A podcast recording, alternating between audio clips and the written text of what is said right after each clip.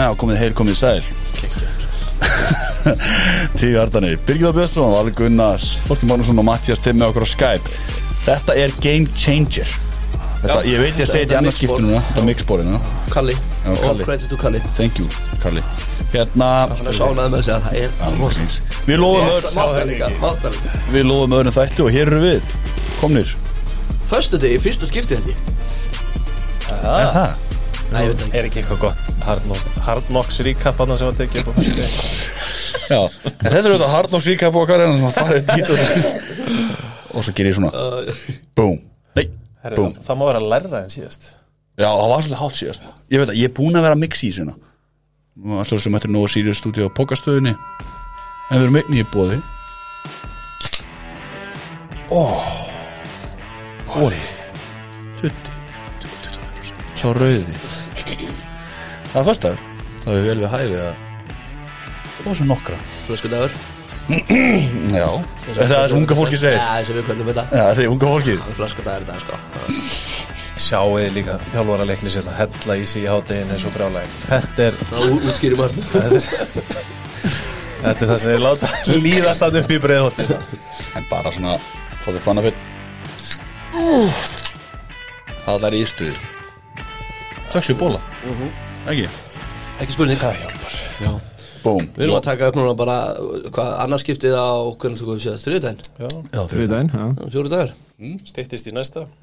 Þannig að Já, það er þriðdagur Þannig að það er bara svona. Það er bara nóg að gera hjá okkur. Það tímabilið að byrja. Við ætlum að koma að á okkur efni Nóg að gera, það Takk er fyrir að lusta Svo er það eini stílinn sem ég þarf og það er svo ameríski American style Ó ég Vá. Mjög vel gert. Það er Hérna- að sandbrot með þessu. Já. Fjóri staðar á höfbúksvæðinu Ok. Takk. Þú getur, nákvæmst að hvað sem er á höfbúksvæðinu Þú hefur enga afsökun. Þú veist bara hver er þín afsökun, Valur? Uh, Ég er það ekki afsökun Ég fer alltaf. Þú hefur enga Ég fer afsökun. Gerið þið líka eins og Matti og trítið þið konuna. Eða, eða mannin Eða bæði. bara farðu einn. Finnst það líka bara mjög ekki Mummu? Hugsið ykkur hérna hambúrgaramálti 2000 kall Og það er verðbólga sko. Milli hálf 2 og 5 Og það er verðbólga. Það er verið að gefa þetta. Hún býtur ekki á töðuskallinu Nei. Hefur þið tekið Píta Griffin? Djúbstekt kjúklingalæri. Já, ég held að vera að tala um eftir Ólísósa að um. Barbecue-sósa, Salat, tómatar Frönskum og kók. Nei, ég hef ekki tekið Peter Griffin eftir henni eins og en ég, burgerinn geti ég mér í. Brjálaður kjúklingaborgara fann Ég Já.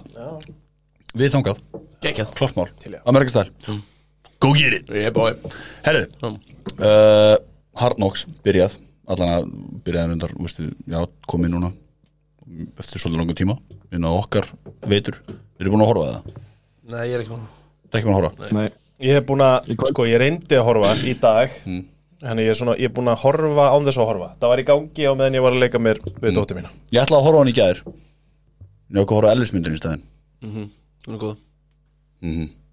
Hún er mjög góð. Uh, að Mér varst- áhugast sem að Kalli kom með við okkur fyrir þátt að Kalli, hvað sagði við okkur fyrir þátt? Þú hefur enga trú á Aiden Hutchinson Því að hann er eins og Hann er með sömu holning og þú nema Hann er betra en holning. Mér finnst hann bara virka eitthvað svo lítill. Mér finnst hann bara allur lítill. Erstu búin að sjá þetta? Nei, ég að Er, engi, er ég varst þú- Ég er ekki búin að horfa á Hann er ekki búin að sjá þetta. nema ég, ok. Mér fannst hann bara virka eh, lítill. Þú veist, hann, þú sér Nick og Joey Bosa og þú sér Watt bræðuna, þeir eru huge. Hutchinson er það ekki. Ok. En hann Þeir eru eins að og ég og Valur eins og Hutchison Þannig að segja það ekki. Svolítið Það ég tók það einu sem ég tók út það ekki, ég líka, ég túlka þannig sko. Já, já, nei, mér finnst áhverst ég trú ekki að það sé þannig. Ég, ég ætla bara að neita að trúa því að eitthvað mesta passröss efni setni ára Er sé það svo lítill. var ekki, það um nei, þannig nei, nei, nei. Nei, ekki, ok. hann, er, hann er í þessum uh, týr fyrir neðan bósabræður og kó. Ok, Þú ok, veist, ok, hann, er, hann er ekki alveg þar. ok.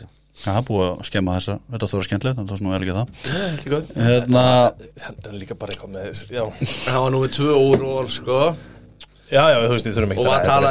Ég er bara að tala um að ég horfði á hann. Ég, Þú veist, fannst hann bara Þú veist, ekkert Bara bo- impressive bara boring, holdingin á já. honum er ekki impressive sko. Nei, ok. Spennandi. Allavega Það rauði hann vel upp fyrir næstu Já, nei, það fæði fullt af svona whey protein shake um og að Já, Hérna, uh, og nú sé hvað búið að gerast. Það er þess að frétti, ég veit ekki hvernig kynni það fyrir með frétti svo höldum við áfram með uh, NFC Já, páranginu okkar? Já nú er svo stutt sem við hittu síðast Þetta eru nokkar fréttir Já, saman ég meina þetta er samt alveg stórt, James White running backinni á Peterson er hættur. Mhm. Og skoraði winning touchdown uh, mitt í Super Bowl á móti Falcons. Mörgundu mikillar minningar og, Ég meina þrefaldur súbúbólvin er. Já, já. Og hérna og í rauninni sindan að ekki unni MVP það árið sko. Já. Þetta tala um súbúból MVP já, Super Bowl MVP á þeim tíma sko. Hann skoraði eitthvað 20 stig þrjú touchdown og eitt two point og ég held að engin leikmaður hafi skorað jafn, mörg stig í einum single súból og hann þá.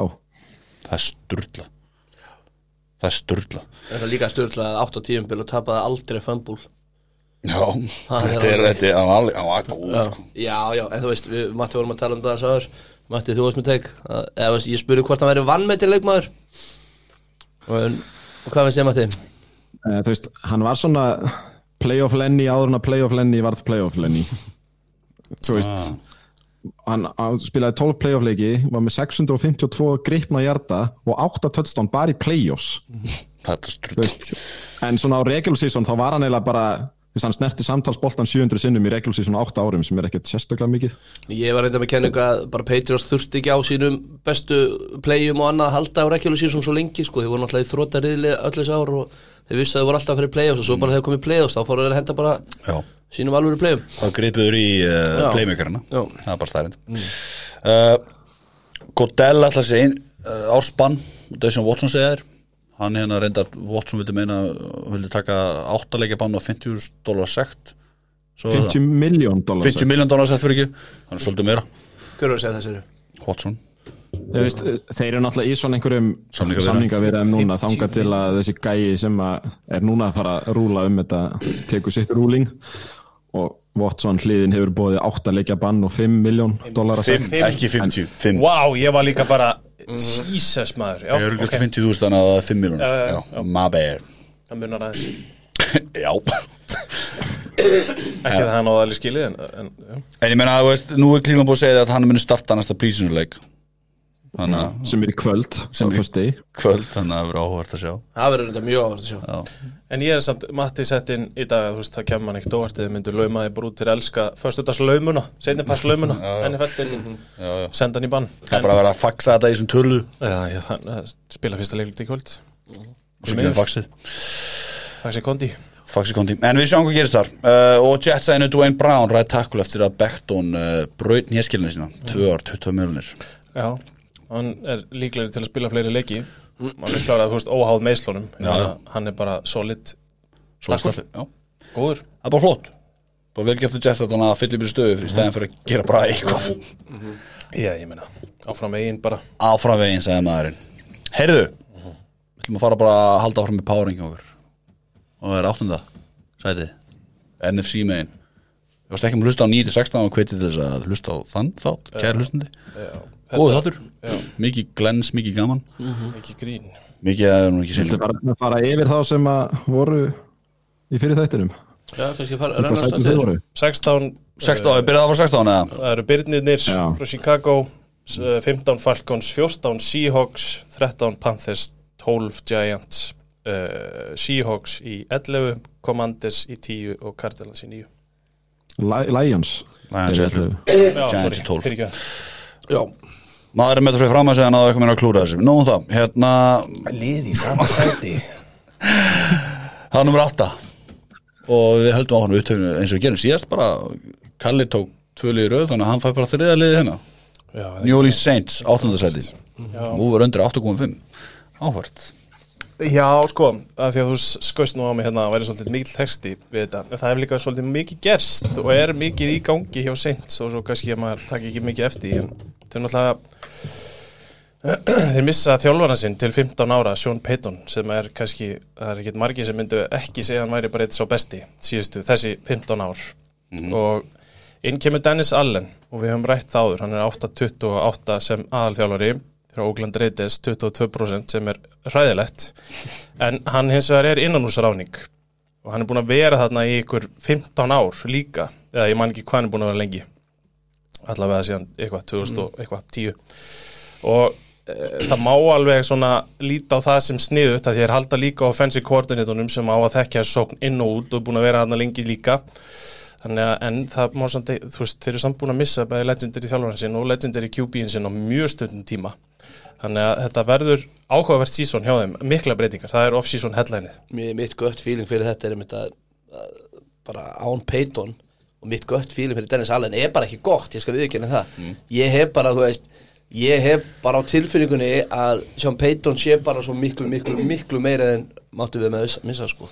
Ég er svona eitthvað svona heyrt út um meira eins og, og lesa á Twitter eins og það sé svolítið svona slíper Já, það getur vel verið, já, Saints. Já, já. ekki Dennis Allen. Þeir haga sér líka svolítið þannig? Já. Allt sem þeir gerðu þá trúa þeir því að þeir geti verið playoff lið í frekar svona slöku NFC Mhm. og Já, þú veist, Dennis Allen hefur náttúrulega verið be betri defensive coordinator hingað til í NFL bara sísta árin. Já.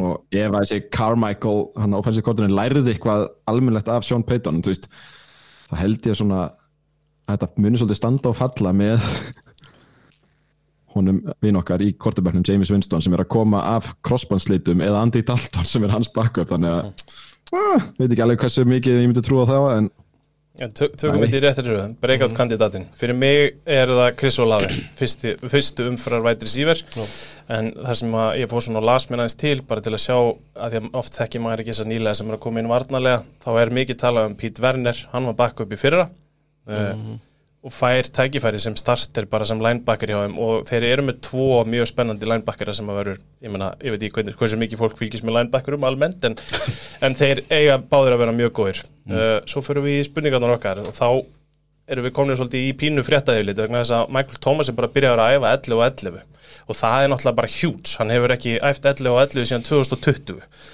er, já, Ég ætla bara punktur um í þessu bara, þú veist, líka að tala um það að Michael Thomas sé bara eins og gamli Michael Thomas. Hann er bara eins og ekkert hafi gerst Það Það verður lítur engin- bara ekkert eðlilega vel út. Nei, hann líka bara, öklarnir á henni þurftu bara tveggja ára pásu.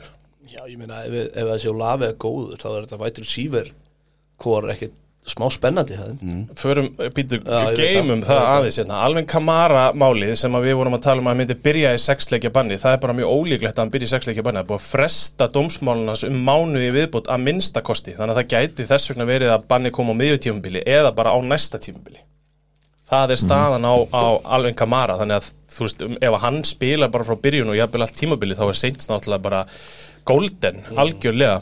Og svo er það eins og, eins og Matt sagði James Winston náttúrulega sleit crossbind í áttundu viku í fyrra og það var planið, hann er komið það langt að hann átti bara að spila á prísísson leik 1 átti bara, átti bara að byrja prísísson leik 1 þannig að hann á- ætti bara að geta að spila fyrsta leik. Og ég náttúrulega er einhver allrændasti anti-Winston maður í heimi en hann var samt 5-2 í leikjum í fyrra 1170 hjartar, 14 touchdown, 3 interception. Og sóknin með að við vopnin sem voru með frá, veist, þeir voru með skelvili vopn nema Kamara í fyrra, þannig séð og þessu Callaway sem átti að vera svona fantasy darlingi var ekkit sérstakur. Og eh, maður svona þarna kemur spurningi sem þú varst að velta fram á veist, hversu, þið, hversu stór partur er veist, skipti það öllu máli? Var það hann sem hjælt honum bara hjartengdum í fyrra? Og er hægt að kopja það með offensive coordinatornum og Allen eða er Allen kannski bara svona Fangio, bara frábært defensive coordinator, hræðilegur aðalþjóðlega Sko, minn punktur er sá að ef að Sean Payton var ennþá að þjálfa þetta lið þá er ég miklu herra á þeim en ég er núna. Það er svona gött Algjörlega. sko. Algjörlega leið með þá að selja þér þetta vegna þess að það er ekki líka bara því þú veist hvað fær frá Peyton og þú veist hvað fær frá Dennis Allen út frá fyrri? Nei, við, við, við vitum náttúrulega ekki neitt ef hann er búin, þú veist, hann er búin að vera þetta svo lengi og hann geti hafa þroskast og þróast. Sjáðu bara hvað gerir svo McCarthy joke? En, hérna, þú veist, hann að ég held að það sé ég bara að koma í ljós en bara gött feeling mitt er að hann sé ekki nægilega góður á meðan við vitum hvað Sean Payton var ógeðslega góður. Ég var að ljúga ykkur á hann hann, uh, hann hefur verið hjá Saints tölvöld mikið, hann var fyrstar 2008 til 2010, en að Allen svo var hann 2015, 2015 til 2021 og svo hann að taka við núna, þannig að hann þekkir vel til hann, vonandi er hann að taka eitthvað með sér, en mér finnst kosturum mitt að rauður yfirfyllinni mættu sem backup, þegar Taysom Hill er ekki einu svona skráður sem kortebaklingur hjá þessu liði. Og það, svo hugmynd sér farin kveiki bara, já takk Já, bara standing ovation fyrir því sko. Svo er vætri sífikorið, Stökkbritt Michael Thomas, Jarvis Landry, Chris Olave og Marquez Callaway. Og svo eru þeir með sko þann sem þeir voru að nota hérna, hvað hittir hann 50 sem að var vætri sífur tvö hjá þeim lengi vel sem að ég bara man ekki hvað heitir eins og hann var svo slagur Traquan Smith. Smith sem að bara, hann er bara orðin 50 vætri sífur í þessu liði Rönningbastaðan ef Kamara fyrir banni vesen það er bara Mark Ingram sem tekur við. En ef Kamara er ekki að fara í bann þá, ertu allt í einu, þá finnst mér fínt að vera með Mark Ingram sem tvist Já, þetta er- er fýtt svona í third down back sko. bara fínt til að koma inn og, og, og, og leysa af. Taron Amstead farin til Miami. Það er staða sem ég er að horfa á og gæti verið pínlítið vesen það er bara staðan þannig að James Hurst er að fara að starta. Hann er ekki left tackle. og svo er það með Trevor Penning sem er fyrstu umferðar tackle síðan núna í draftinu en hann var bara reikin heim af því að hann var bara að skapa slagsmál þrjá dagi röð. Hann var að berja mann og annan á æfingum þrjá dagi röð og var að endanum bara sendur heim. Þannig að það er staða sem þeir bara eru ekki búin að ákveða hvernig á að vera. Það er smá svona hundur í honum. Það er hundur í honum. Þetta er að- minn maður. hvernig verður sóknin hjá þeim í ár? Náttúrulega bara horfiði bara á þessi vopn. Þetta stendur og fellur með Allen og Winston fyrir mér, ég menna Michael Thomas, Landry og, og, og Lave Callaway, Kamara, Ingram þetta er bara stakk dæmi, sóknilínan hjá þeim er mjög góð með frábæran hérna, rættakul, geggjaðan sem þið gætu flutt yfir, hann hefur ekki spilað mikið þar. Já. og svo, þú veist hann þetta er bara Winston, allar hann að vera ef hann spilar eins og hann spilaði í fyrra, þá hef ég bara engar ágjur af þessum sóknarleik, þannig sé. Já, það hefur engar ágjur á sóknurinu Ég hef litlar ágjur á sóknarlínu Sóknarlínan er nefnilega alveg mjög góð frá center til hægri Já. Og ef að bara hann penning er ef að penning er fyrstu umfyrir left tackle og spilar almennilega þá er þetta bara fínasta sóknarlína. Okay. varnarlega hins Armstead er vegar svona helvitis missir en málið já. er með Armstead að hann spilaði bara nýju leik á tímbili Já, ok. og það var náttúrulega gallin við hann. Þess vegna var í raun og veru bara allt í lagi að senda hann bara til Miami vegna þess að hann spilaði bara ekki nóg. Ég held ég hafa með þess að skrifa því þetta uh, nýju tímabil aldrei spilaði alla leiki fjóru sinnum fleiri en tíu Skilur Þannig að þú veist, það var vandamálið. Varnarlega hins vegar, þetta er bara Ég er að fara að tala svona líka á eftir um annarlið sem ég er með. Þetta er bara, þetta á bara að vera topp 5 vörn. Þetta er svaðaleg vörn og þú veist, aftasta varnarlínan með besta liðið í coverage í fyrra bæta við sig uh, Marcus May og Tyrion Matthew og eru svo með Marsjón Lattimore og Paulson Adibo í cornerbacks. Þetta er svaðaleg aftasta varnarlína og gaurarnir sem voru í þessum stöðum eins og ég man ekki nákvæmlega hvað hann heiti þú veist, bakkuparnir eru fínir. Fyrir fram að þá síðan Cameron Jordan, Marcus Davenport og svo tveir spennandi hérna, linebackarar í Zach Bán og Pete Werner ég meina þeir getur spila bara varnarleik og nota sóknina síðan til að bæta það upp. Það er svo margt í þessu liði sem er svo ofbúslega gott, mikið að góðum leikmann Þetta Tyra Matthews signing er er eiginlega bara risa stort veist, þetta er, þetta er leiðtóinu á vellinu sko. með meiru. Ég bara, ég ætla að skráða þetta niður hjá mér, ég bara glemdi í Varnarlega, vörn 2 í fyrra hjá PFF, run 2 passröst 21, coverage 5 og special teams sjöðum var 1, fyrir besta í deildinni Við erum að samu ekkert mist úr þessu. Jú, þeir missa náttúrulega Marcus Williams sem er náttúrulega, þú veist, það er downgrade að fara honum niður í Marcus May en þú bæti það náttúrulega upp með að hafa Tyron Matthew hliðina á honum. Betur.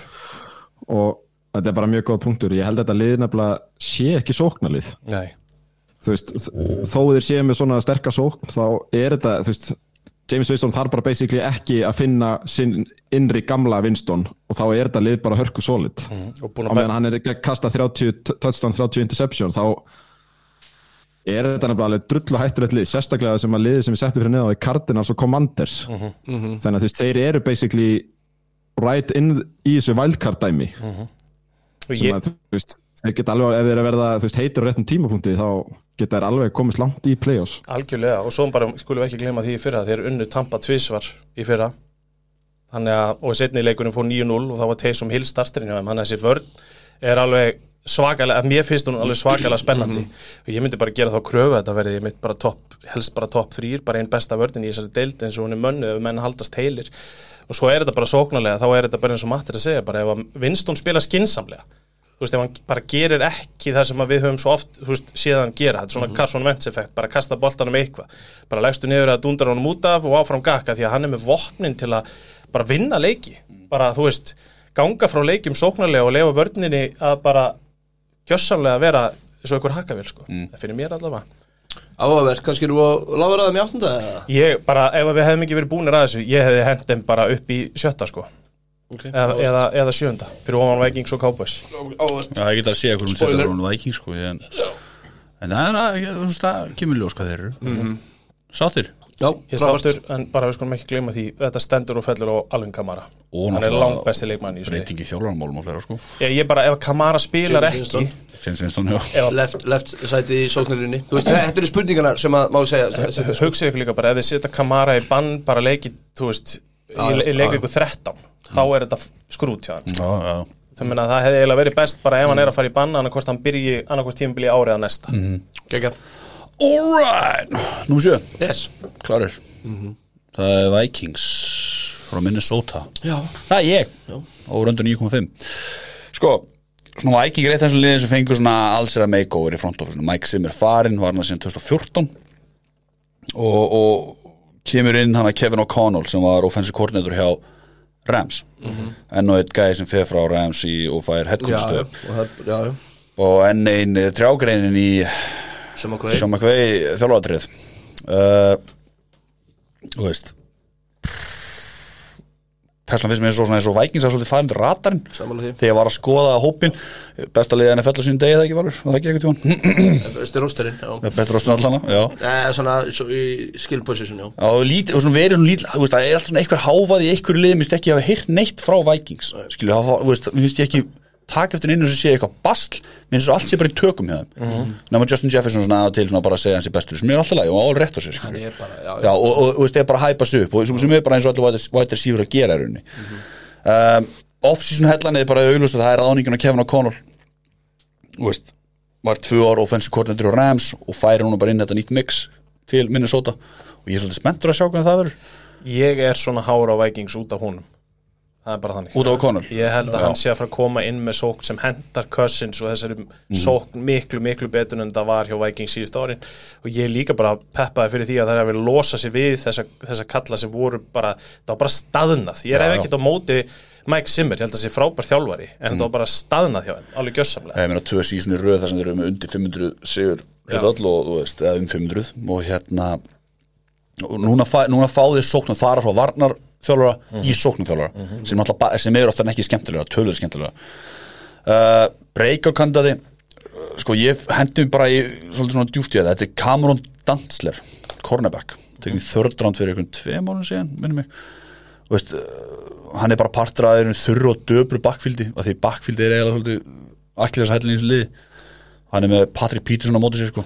Já, það er með það sem ég hef áhugir af Já. hjá, hjá, hérna, hjá Vikings að vörnið þeirra er ekki alveg nógu góð mm. -hmm. og þetta mun svolítið velta ég meina Daniel Hunter er hann að fara að ná okkur mónstæð tímubölu aftur og Sateri Smith að fara að gera eitthvað fyrir þarna sem múið að meittur heilt tímubölu pakkar sér fyrra og hérna, það er það sem ég áhugir og svo er sóknarlína þeirra léleg á móti Kirk Cousins sem að er ekki sá besti undir pressu Já, hann er svona, skásta sem hann hefur haft hjá Vikings þessi sóknarlína Já, ok, já. með, Derrick og fleira sko en þú veist, upp aðeins 349 hjarta á þrjú touchdown Hvað segirðu? Já, já. hann startaði bara sjöleiki Stóra sterkur cornerback. Já. og ég held að geti gefið flestum og þetta síðan sem deilt svona veist, leik. Að þeir eru að tala um hérna Vikings sóknlínuna ég flettin upp, hún er skráð sem 27. besta. En þeir eru hins vegar með fimm leikmenn sem er allir first eða second round síðan 2019, allir ungir allir efnilegir, þannig að það er alveg þetta er ekki alveg glata sko. Það er von. er, er, frábær. Það sko, alveg klálega En ég hef smá áhugjur að þeim þar Algjörlega. Og í þeim. Þú veist Þannig að ég, aftur, ég, eh, já. Ég, Þú veist, ef þau væri með betra Betri, betri, betri offensive line Þá var ég alveg frekar hára Því að ég sa- ekki lengt aðdáðan minna á Skill position gæðuna þeir Og Justin Jefferson er mínu mati Bara A1, A2 bestur í deildinni Vætri síver Dalvin Cook er geggjaður Bara þarf að haldast heillandslega og já, Þannig að, já, ég, eins og sé, ég er alveg spenntur fyrir Vikings í ára en ég er sammálaður, mér finnst þér að fara svolítið undir radarinn. það sem það er að fara að ganga betur enn í fyrra veist, þessu tölum um, þetta er bara, þetta staðnaði bara. Þetta var bara komið á bara stá hérna, bara í fjöru og var ekkert að gerast. Nei.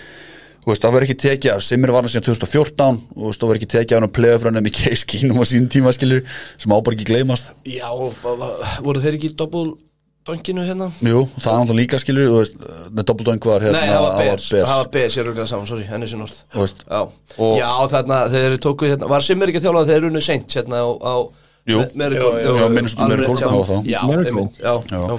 og ég meina, ég er eiginlega bara á því að, þú veist, með því hvernig þetta vækingslega mannað og eitthvað svo hrikalega daburt NFC er þá eiginlega er það vombrið að vækings komast ekki allan í wildcardi, sko Já, þeir, ég held að sé bara það, Þeir fara í valkasti bara eins og, bara... eins og þetta lítur út hérna hjá mér sko og með að þið var að skoða hópin og fleira Ég er sammála því, ég er sammála því En við erum samt með áttalið sem að hérna, sem að geta farið í playoffs mm. og maður verð ekki hissaði ef við tökum Saints og sérstaklega eftir lofræðina sem var hérna náðan Já. með Saints sem var bara eðlilega og skilinleik Þannig að þetta, þetta síðasta spot í NFC úslutunum það er slagurinn sem verður mjög skemmtilegt að horfa slagur. Sko gatið þarna á milli og við, höfum- Sko gatið á milli Efri átta og neðri átta. Já.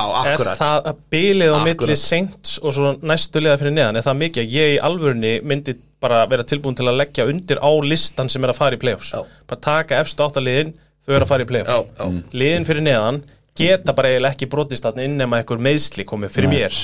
Það er bara, ég sé það ekki gerast. Uh, sko Ég er samt með spurningu um þetta vikingslið. Skjótu Það er stu sjöliðin það- Þess vegna er síðasta Þetta síðasta vælkarlið er svo mikilvægt Fattur þú, fattur þú Þannig að þú veist aðeins Ég, að ég, ég skilji, Matti, sorry. Það, það sem að tröfla mig mest við þetta lið er eiginlega uppsætið. Ok. Þeirra besti leikur finn, held ég að sé ekki nógu góður til að vera einhver alvöru contender í þessu NFC, þú veist, við erum með Cousins sem að, við vitum nú hvað Cousins er í dag. Þú veist, Dalvin Cook, hann er komin svona á eldri á running backana. Við erum Adam Thielen, hann er gamall, þú veist, Jefferson alltaf geði ykkur, þú veist, þeirra vætri sér við depth er eiginlega ekki neitt. Þú Nei, veist, tætendin er örsmið sem að, jú, jú, við byggjum spennti fyrir honum en hann er samt hefur eiginlega ekki syngt neitt. Þú veist, eins og við töluðum um sóknarlínan er ekki sérstaklega góð. Sóknar skímið gæti verið gott. Þú veist, þeir eru með cornerback stöðunar búin að hafa sko eitt alveg þvílíku draftpikkum í það síðustu árin sem að samt einhvern veginn er ennþá vandamál. Og þetta er svona lúmst að verða gamall lið á leiðin í rebuild. Samt einhvern veginn endur sem ég þeir við Cousins til tveggja að þryggja ára þannig veist, ég veit ekki alveg hvar ég hef þetta lið. Veist, þetta er svona lið sem ég setti í áttundasæti út af því að mér finnst einhvern veginn eins og þeirra besta sé ekki nóg gott. Ég sé þú veist eins og Saints þeirra besta miklu betra heldur en besta hjá Vikings. Sammála. Já, já ég, ég, ég skil það alveg. Það sem að er þarna hjá mér Ég finnst alveg Þílen var með tíu töstanir fyrra. Það er alveg ennþá eitthvað, ég vætir séu tvö hjá Þílen Ég held að það sé ekki, ekki træðilegt Ég er nefnilega eh, Kevin og, og, og, hérna, og Connell. Ég hlakka svo til að sjá hvað hann gerir. Ég held að hann gæti með lift, lift sílinginu hjá Vikings Með einhverjum betri skímum En hafa verið í gangi þarna. Akkúrat. Og bara kasta meira á annað. Þannig, að- þess vegna held ég að sílingi hafum sé aðeins herra núna heldur en hefur verið undanfæra ár. En ég er svo sem alveg sammála þessum svo En punktur eins og segir hann að veist, hvað þarf að, veist, við komum að búast við þeim sóknar, veist, markmið er að vera aggressífari ég held að það sjálfur, Kevin O'Connor er aggressífur mm. og fennst kortið, þeir munu kasta boltunum meira hátt tempo, ekkert höddul bara fara beint í play, gefa veist, varnarlegin mikið tækifært að stilla upp og fara hratt upp völlin og þegar O'Connor var hjá Rams þá held ég að við kasta 60% eitthvað 59% af plays Við erum náttúrulega ennþá með hans samt reysast á spurningamerki út af því að McVay er náttúrulega kordanýturinn algjörlega. 100% sko. algjörlega. Það er- Það er líka 100%. það sem að mér finnst fólk einhvern veginn gleyma í þessar umræðin með Vikings að hann er í raun reysast á spurningamerki þó að hugmyndafræðin sé alveg til staðar og ég hrifir að henni klárlega sko. En það er bara, hann hefur náttúrulega aldrei verið þú veist, hausinn. En Vikings svo rétt og eftir Ramsirinu með cast percentage í fyrra. Mm. þannig að það verður ekki mikið breyting á því að gera. Uh, þannig að það var að fara að dæla boltam og Justin Jefferson og Thielen sko. Þa, það mun ekki breytast. Ég held bara að þetta sóknarski hendi Kirk Cousins. Já, Ég held að það sé aðalatrið, ég held að hann bara, já því að ég held að við, þú veist, ég held að, að eins og ég segi að tala um hann, þetta staðnaði síðustu árin og ég held að Kirk Cousins hafi fengið svolítið að finna fyrir því. Ég hata Kirk Cousins ekki svona mikið, þú er veist, hann er, þú veist, hann er vel yfir miðju í, í þessari deild yfir, yfir svona bara þólanlega kortebaka og ef þú skiptir honum út þá þarfst að gera það mikla, þú veist, þú ert að taka þá stórt stökk, þannig ég held að, sko, eins og bara ef þú tekur fantasílega sér, ég, meni, ég myndi ekkit grenja að þurfa að starta tímbölu með Kirk Cousins í þessari sók með þessa leikmenn í kringu sig, alls ekki Kirk the Cunt Cousins hann Já, hljóðar. já, hann er það náttúrulega. Já, hann er óþólandi gæi, sko, en hann er góður kortebak uh, góður og ekki ég er spenntur að sjá ég, ég spenntur að sjá unga og gamla og svona, Jefferson og Thielen aftur mm Mhm. -hmm. þetta er skemmtilegt að sífitu og gaman að horfa að spila. Uh, samanskapa upp með langa að henda uh, ómennska íþróttamannunum minn Ör Smith sem breykáttin, ég gerði það í fyrra held ég þannig að ég sleppti því ár. Uh, þetta er svona, þetta detta í Evan Engram dæmi sko. Uh, varnalega, ekki mikið að breytingum nema svo Darius Smith kemur inn okkar Daniel Hunter er ennþá hana Awesome Harrison Smith og Kendricks. Sko ef, ef að Darius Smith næra að vera eitthvað í líkingu við fyrsta tíumilinu á er þetta þá er þetta náttúrulega alvöru, alvöru leikmaður sem þeir eru að fá. Já, já, en það er að sæna hann ástæða skilju, og hann, er, alltaf fer að fer til Vikings frá Packers eitthvað til mikið að gleði. Og Daniel Hunter er hérna veist, það var alveg tímubila sem hann var bara eitt besti svona mm. rössur í dildinni, þú veist, þannig. Já, Ja, Daniel Hunter er bara 27 ára. Ég hef miklu meira á að gera Kendrick sem er í kringum 30 og yfir. Jordan Hicks er 30 og mm. svona verða svolítið eldri. Svo Darius Smith var mittur allt síðast tímabil og ég sakna þess ekki neitt sko. ekki Nei, og það, hún er núna. Ja, upp á breytt þá. Já, já, en ég menna, þú veist þannig að þetta er svolítið gamlir póstar, alveg svo Patrick Peterson er hvað, örgulega 33 hann, er- hann er, hann er búin að vera í 11 ár Já, þannig að þú veist, það er kannski áhyggjafni er bara að heilsa þessara ágættu leikmanna sem eiga að bera þetta uppi. En stærstu vandamál í vörnin er ekki defensive frontin, það er secondaryð eins og ég er búin að tala um það. Algjörlega. það liggur vandamáli Algjörlega. en hættunni með þeim að þeir eru ekki beint að mæta nefnum ofurstjörnum hjá anstæðingum in division. Nei, það er náttúrulega máli, sko, þeir eru, eru með AFC East og NFC East sem á, á móti NFC North, sko. Og það eru nú tveir, eh, allavega tveir mjög þægilegi leikir í NFC North það eru nokkrir með þeir eiga Jets þá og hvað? Uh, Commanders Já, já. veist, Giants, þetta verður þú veist, þannig að þessi leikir er ekkit stórgóðslegir og Cardinals, þannig að veist, ég hef alveg séð að það er verið schedule hjá NFC North, Já. er það mjög þægilegt svona á pappirunum, sko? Já, það fyrir eftir hvað Lions gera en já, við erum svona. Ég bara, þú tókst þetta, ég nefndi það ekki Ég veit. af því ég hef það. ekki hugmyndum Já, þá ertu með Packers og Lions í fjórum af þessum leikjum og þá ertu bara með Bears sem er að vera cakewalk En já, ég skil Ég var svona aðalega að tala um það sem IFC East og NFC East. Klálega, klálega, klálega. En út frá mannskap þá erum við með það ofalega. Ég af held, í, NFC alveg, sko, ég, erum of, ég er of hára á þeim. Ég hefði átt að setja seint fyrir ofan á Alveg klálega, en það er hellingur aðna Í þessu liði, mér finnst það. Já, alright, yes. Haldur hún það voru kúrganir. Nummer 6, Númer 6, Dallas Cowboys. Svo Dallas Valur, take it away Já, síðasta tímabíl á Dallas Mér fannst það bara svolítið skrítið Þú veist, eh, Tampa og Packers voru með 13 sigra mm. Svo komu Dallas og Rams með 12 sigra á eftir þeim Ef við tökum NFC hérna En samt var Dallas einhvern veginn aldrei umræðin að vera mistarar eða fara í Super Bowl einu sinni. Mm -hmm. Er það samanlega með því? Já, ég, ég er sammúlar í því. Ég er náttúrulega, ég kemst ekki yfir ákveðin mannana Þannig að ég er mjög litaður þegar kemur á Cowboys Ég, te, ég tek það á eftir mér, mjög, mjög illa við, við, við þetta lið upp á það að gera En það er svona, þú náttúrulega, ég ætla ekki að taka neitt að þér og mínar útskýringar eru, eru bara, eru örglega í textanum hjá þér. Þannig að ég, ég hef ágjör að Cowboys á stímbili Mér finnst þetta ekkit aðeinslegt lið, sko. Þú veist að ég mitt er sammálaðir og mér finnst þau vera jafnvel og háir á þeim að þegar ég fór að skoða þetta eins betur þá finnst mér bara að vera svona miðlungslið, eða ekki miðlungslið gott lið, þeir eru ekki, ekki eitthvað mjög gott lið að mínum að þið, en ég ykkur, vitið hvað Dallas er búið að vinna marga playoff-leiki síðustu 25 ár? Ég sagði, ég, hef var ekki eitthvað ská, mjög lágt, ég hef sá ekki um einn eða tvo. Það eru þrýr þrýr Já. Þú veist, þetta, þetta er Dallas Cowboys, þetta er bara frægasta franchise í dildinni á samt tveimur, þreimur skiljiði og þeir eru búin að vinna þrjá playoff-leiki síðustu 25 ár. Verðmættasta lið í heimi. Verðmættasta liði í heimi. The Star, þú veist, what the allavega, en hérna off-season hellani ég, hérna, ég þurfti þess að hugsa, erum við samanlega með það? Hefur ekkert farið mikið fyrir Cowboys á undirbúinnstíma Nei, ég ætla að fá að koma eitt punkt á hún og færa þangað er að ég sagði við ykkur á chattinu, ég reyndi að koma eins neðalega í mögulega gatt, en svo er bara svo mikið lélugum liðum í NFC að það var bara erfitt já. að íta þeim neðar. Ég, ég held svo ofs, var ekki bara Cooper? Ég, ég, sko, ég tók það Amri Cooper og aðalega það að Jerry Jones var að hraunu við Cooper eftir hann treytaði hann Aha. hann var að tala um að hann var ekki nógu protective og hann vildi ekki borgunum 20 miljonir eða hvað var þarna því að hann var ekki nógu protective og, og og, og bara var ekki nógu góður og veist, þetta er eigandi liðsins að hrauna eftir á treytarunum en svo er náttúrulega líka Randy eigandi Gregory GM og GM það er ekki svona alla, Já. Eh, svo er náttúrulega Randy Gregory máli þegar að veist, hann er búinn að semja við B, að Dallas, með þess að komið á Twitter síðuna svo official held ég, bara staying in Dallas. Þá sáu þeir að var klásula í samningnum, ef ég maður rétt að hérna, ef hann væri, fengi agabrott að þá myndi garantíti eitthvað dett út whatever, Já. og þá hættir hann við að hérna, sæna við þá og fer í Denver og ég skil hann bara mjög vel, ég hef líka orðið byrjaður. Já, já, þú veist, en Við þetta erum er nákvæmlega sama samning Já. bara fyrir utan þetta. Fyrir utan Já, þetta. akkurat. Og, hérna, og svo var Satarius Smith næstu komið til þeirra. Og það var bara eiginlega frá gengið. Og, og svo endaði hann í Vikings. Fyrir mér er, er ég sammála með Cooper að, að það sé svona off-season headline líka í tengslum við það hvernig þeir hafa farið með budgetið sitt, af því að þeir sita náttúrulega uppi út af því þeir sömdi ekki hann og sita uppi með 20 miljónir og afskaplega takmarkað marka til að bæta við vætri sífikóri sitt núna. Já, já, og veist, ég kemur þetta svo sem alveg aðeins aðeins að þetta er bara illa reiki lið. Já, mjög bara mjög kassalega reiki lið af einum með mitt elli ærum gömlum manni í rauninni. Já, og kannski tökum bara þess að umræðast núna því að sko málið er að hérna, mér finnst það þetta er svo mér, finnst, mér liðin eins og að sé aðdáandi að reyka liðið. Það er ekki vittlust skiljið hvað ég meina Það er Þú svona- Þetta er svona fútbolmannsir mótið þessu Ég er bara fútbolmaður, þetta er bara gaur sem að horfir á draftið og hugsaður, hérna nummer fjögur, ég ætla að taka running back, ég ætla að taka Sigil Elliot, nummer fjögur overall. Já.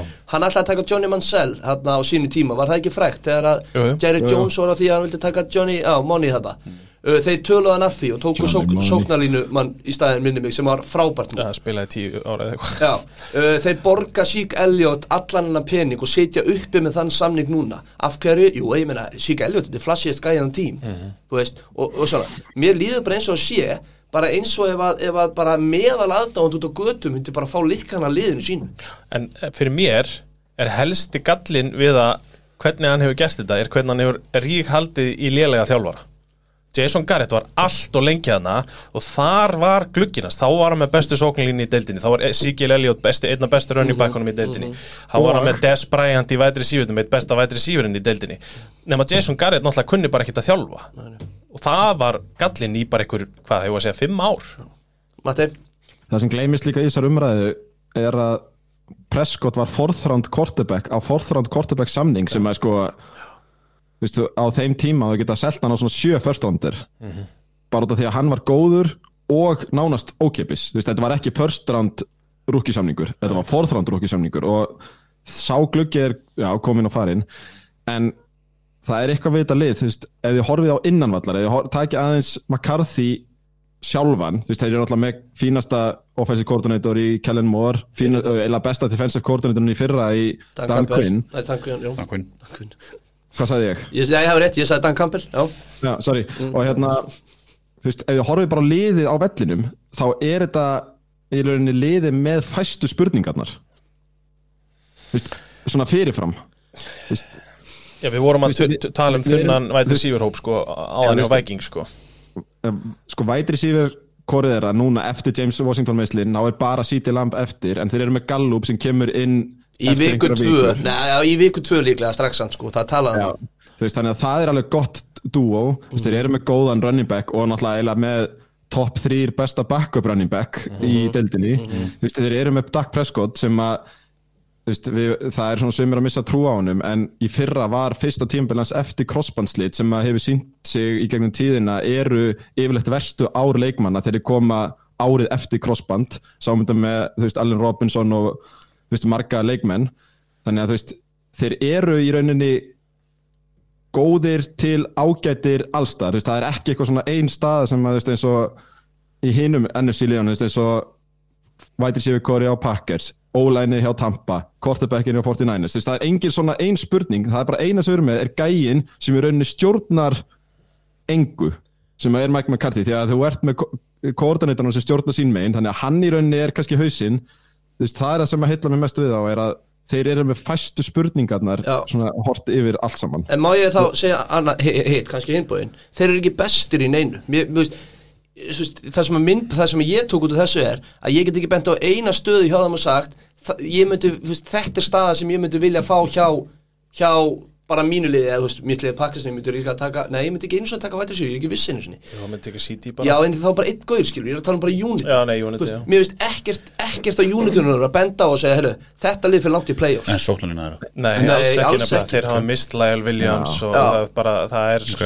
það, þeir hafa mátt munað sinn fíbil fegur í, í sóknarlínunni. nákvæmlega, það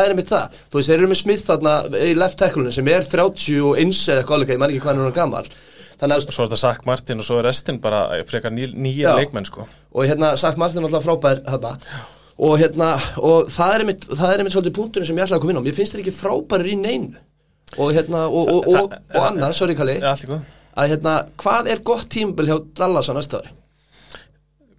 Fyrir, fyrir Bara fyrir mér, ykkur, hvað finnst fyrir ykkur? mér? Já, um, Hvað, þú veist Er það er að vinna playoffs Já, 11, 11 12 að því að þú veist, mér finnst sigrar ef allt 10 pluss að því að sko Af því að NFC er svo veikt sko. Já, nú erum við samt á tímanum það sem að Dallas á að vera að vinna Zoom. Þú veist, þetta er tímabilið þeirra, það er júli, ágúst. Þá er alltaf bara Dallas, þeir eru með lið til að vinna súpur mér finnst það ekki einu sinni vera núna sko. Mér Ekki svo í fyrra, nei. Það er mjög niðurlegandi fyrir mér ef þeir tapa fyrir Eagles í NFC Eagles ná að byggja upp nýtt gott lið á meðan að þeir voru í prímstöðu til að vera bestri í NFC East. Ef að Eagles vinna NFC East og skilja þá eftir í einhverju wildcard-dóti það er fyrir mér mjög niðurlegandi eftir allt sem hefur verið síðust í sammála þau, ég var mjög hissað að það myndi ekki gerast. En hérna, en En sorry þá var það þessi tuska endlita á Jerry. Jones bara þú hefði þetta að gera betur árið sko. Já, en þeir get ekki gert neitt annað, þau, þeir eru svo illa rekni. En hérna, en sorry, breakout kandidatinn, það er mjög hann byrjaði ágætlega í fyrra, eða vel í fyrra Svo bara droppaði hann alveg þvílíkt niður. Og hérna, og nú er Amir Cooper, Cedric Wilson, þeir eru farnir og hann og Gallup eru eftir, basically. Og hann er núna bara vætri síver, bara eitt, Eitt. Gallup er tvö Við erum saman að segja að Lamb sé eitt og tvö og Gallup skjúrið nummer þrjú eftir þessum viðslu og annað. Þú veist, þannig að CD Lamb verður bara núna að stígu upp og taka svolítið bara, fá líkkan á sókninni, þannig séð, ef við getum orðað þannig með vætri En síður. þegar það hafa þá trú á hann að þeir, þeir, setja hann á þann háa stalla hann er wide receiver eitt Já, 100% og ég meina, þú veist, með það sem eru að séð okkur sem maður hefur séð á honum. Á hann hefur alltaf burðið það. Já, já, og hérna, eins og sé, við erum búin að uh, fara mikið, þú veist, ég ætla að segja af hverju, af hverju ég held að það verið góðir, þú veist, og, og þú veist, þeir eru ekki besti neistar en ekki vesti neistar, við tókum það aðan, þú veist, tókum það þarna og, og svo hérna, uh, og Dak og Elliot spiluðu í gegnum meðsli fyrra, það má ekki taka það að þeim Já. og mér fannst Dak, ég var fann að missa svolítið trúna á Dak bara heilt yfir þeir, voru alltaf að við eitthvað smá meðsli í fyrra. Uh, og Ég ætlaði bara að taka með vörnina það eru, það eru ofbáslega góðu leikminn í þessari vörn. Það. og það er það sem að mun ef, að- ef allt gengur upp í þessari vörð hjá þeim að vera með þetta Marcus Lawrence að vera með Anthony Barr, Leighton Vandres Micah Parsons, Trayvon Diggs Já. þetta eru rosalega góði leikmenn. Þetta er alveg bara svona topp 5 í sinni stuðu leikmenn. Þannig að ef að þeir spila allir þá er sjans fyrir þá sko. Treyvon Dixon sko. Ég er sammála. það er ein, það er sko bara píramidasvindl Æ, ég, ég, ég skilði mjög vel en ég meina það því það er bara að vera að steikja hann á æfingum sko. ég veit þetta eru æfingar en Treyvon Dix Treyvon Diggs er annarkvort eða. Já, já, ég veit, Hann er hann er með interception eða getur ekki. Ég er að segja það. og þetta er ekki, er drauma cornerback þó hann var með öllu þessi interceptioni fyrir og kannski hann er svo eini sem er ekki í, uh, rétt hjá ykkur í þessu topp Hey. 5 dæmi en þeir eru Vandir þessi líka svolítið að, að, að ég er vandræðismæður, hann Ok, bara pínu Hann er erfitt með óheppinn. meiðsli. Ég klálega, við verðum að dæma hann eins og hann er núna. Það er alveg, Já, alveg já, rétt sko. En á sínum degi er hann frábær leikmaður og, en, en reynda að ég, svo með Malik Hooker líka í, í free safety sko. Já, En ég ætla bara að segja það eins og það er. Ég hef bara enga ekki vitundar trú á þessu apparati á meðan að þeir eru með uh, Mike Og McCarthy það kemur að næsta hjá mér að Því ég spritta þessu aðeins öðru sem ég sagði bara okkur eru góður, okkur eru ekki góður mm. Og ég ætla bara að segja þjálfarnir Þjálfarnir, Mike McCarthy og Kellen Moore. Að Ég meina, sko, þetta er fyrir sjáanlegast að sókn í dildinni Sko, ef að Dak var under center þá var 33% sem er henduboltanum ef hann var í shotgun þá voru þeir í 80% að henduboltanum hvað er þessi auðvelt fyrir lið að lesa þetta eftir, eftir nokkra leiki og þetta er eitthvað sem að þú í nútíma NFL verður að diskæsa betur. Skiljið hvað ég menna og mér finnst þetta bara sína bara svolítið hvað þeir eru svona eftir á gamaldags. Ég meina þ- þessi ligasaga um að það hafði eitthvað breyst í sambandi við hvernig Mike McCarthy vann vinnuna sína var náttúrulega, ég, sorry ég las hana bara þegar að uh, hann vitalið við hann kom út. Þetta er bara þvæla, Já. hann er bara hann er náttúrulega ligasaga og hvernig hann ég meina hann sagði það sjálfur í viðtali hann hefði logið þessu dóti sem hann kom, þú veist, kom honum í starfið. Hann fór í viðtal og sagði það bara já, nei, ég, ég er búin að horfa alla leikina í fyrra sagði hann og svo var hann spurður, horfður alla nei, ég náttúrulega gati ekki tort úst, já, ég meina, hann, er- hann er náttúrulega fullkomlega galinn og ég veit að ég er brjálæðislega litaður að því að þóla hann ekki. Já, já. en ég meina, hann, þú veist, svona er þetta bara. Já, á meðan hann er þarna þá munu þeir ekki, þú veist, það er ekki fræðilegu möguleik að Dallas Cowboys á leiðin í NFC title game eða í Super Bowl, það er bara ekki ég, ég fræðilegu hjálst hana samanlega og sjáðu bara hvernig þeir enda á móti næni sér fyrra þegar þeir taka QB hérna drói eða þú veist þegar leikstjórnir hleypur með það eru 20 sekundur eftir. Það er bara galið. En hérna svo mig er bara að drullast til að nota Pollard meira. Alveg 100% mm. Elliot er ennþá að fá 65% snappa eða eitthvað.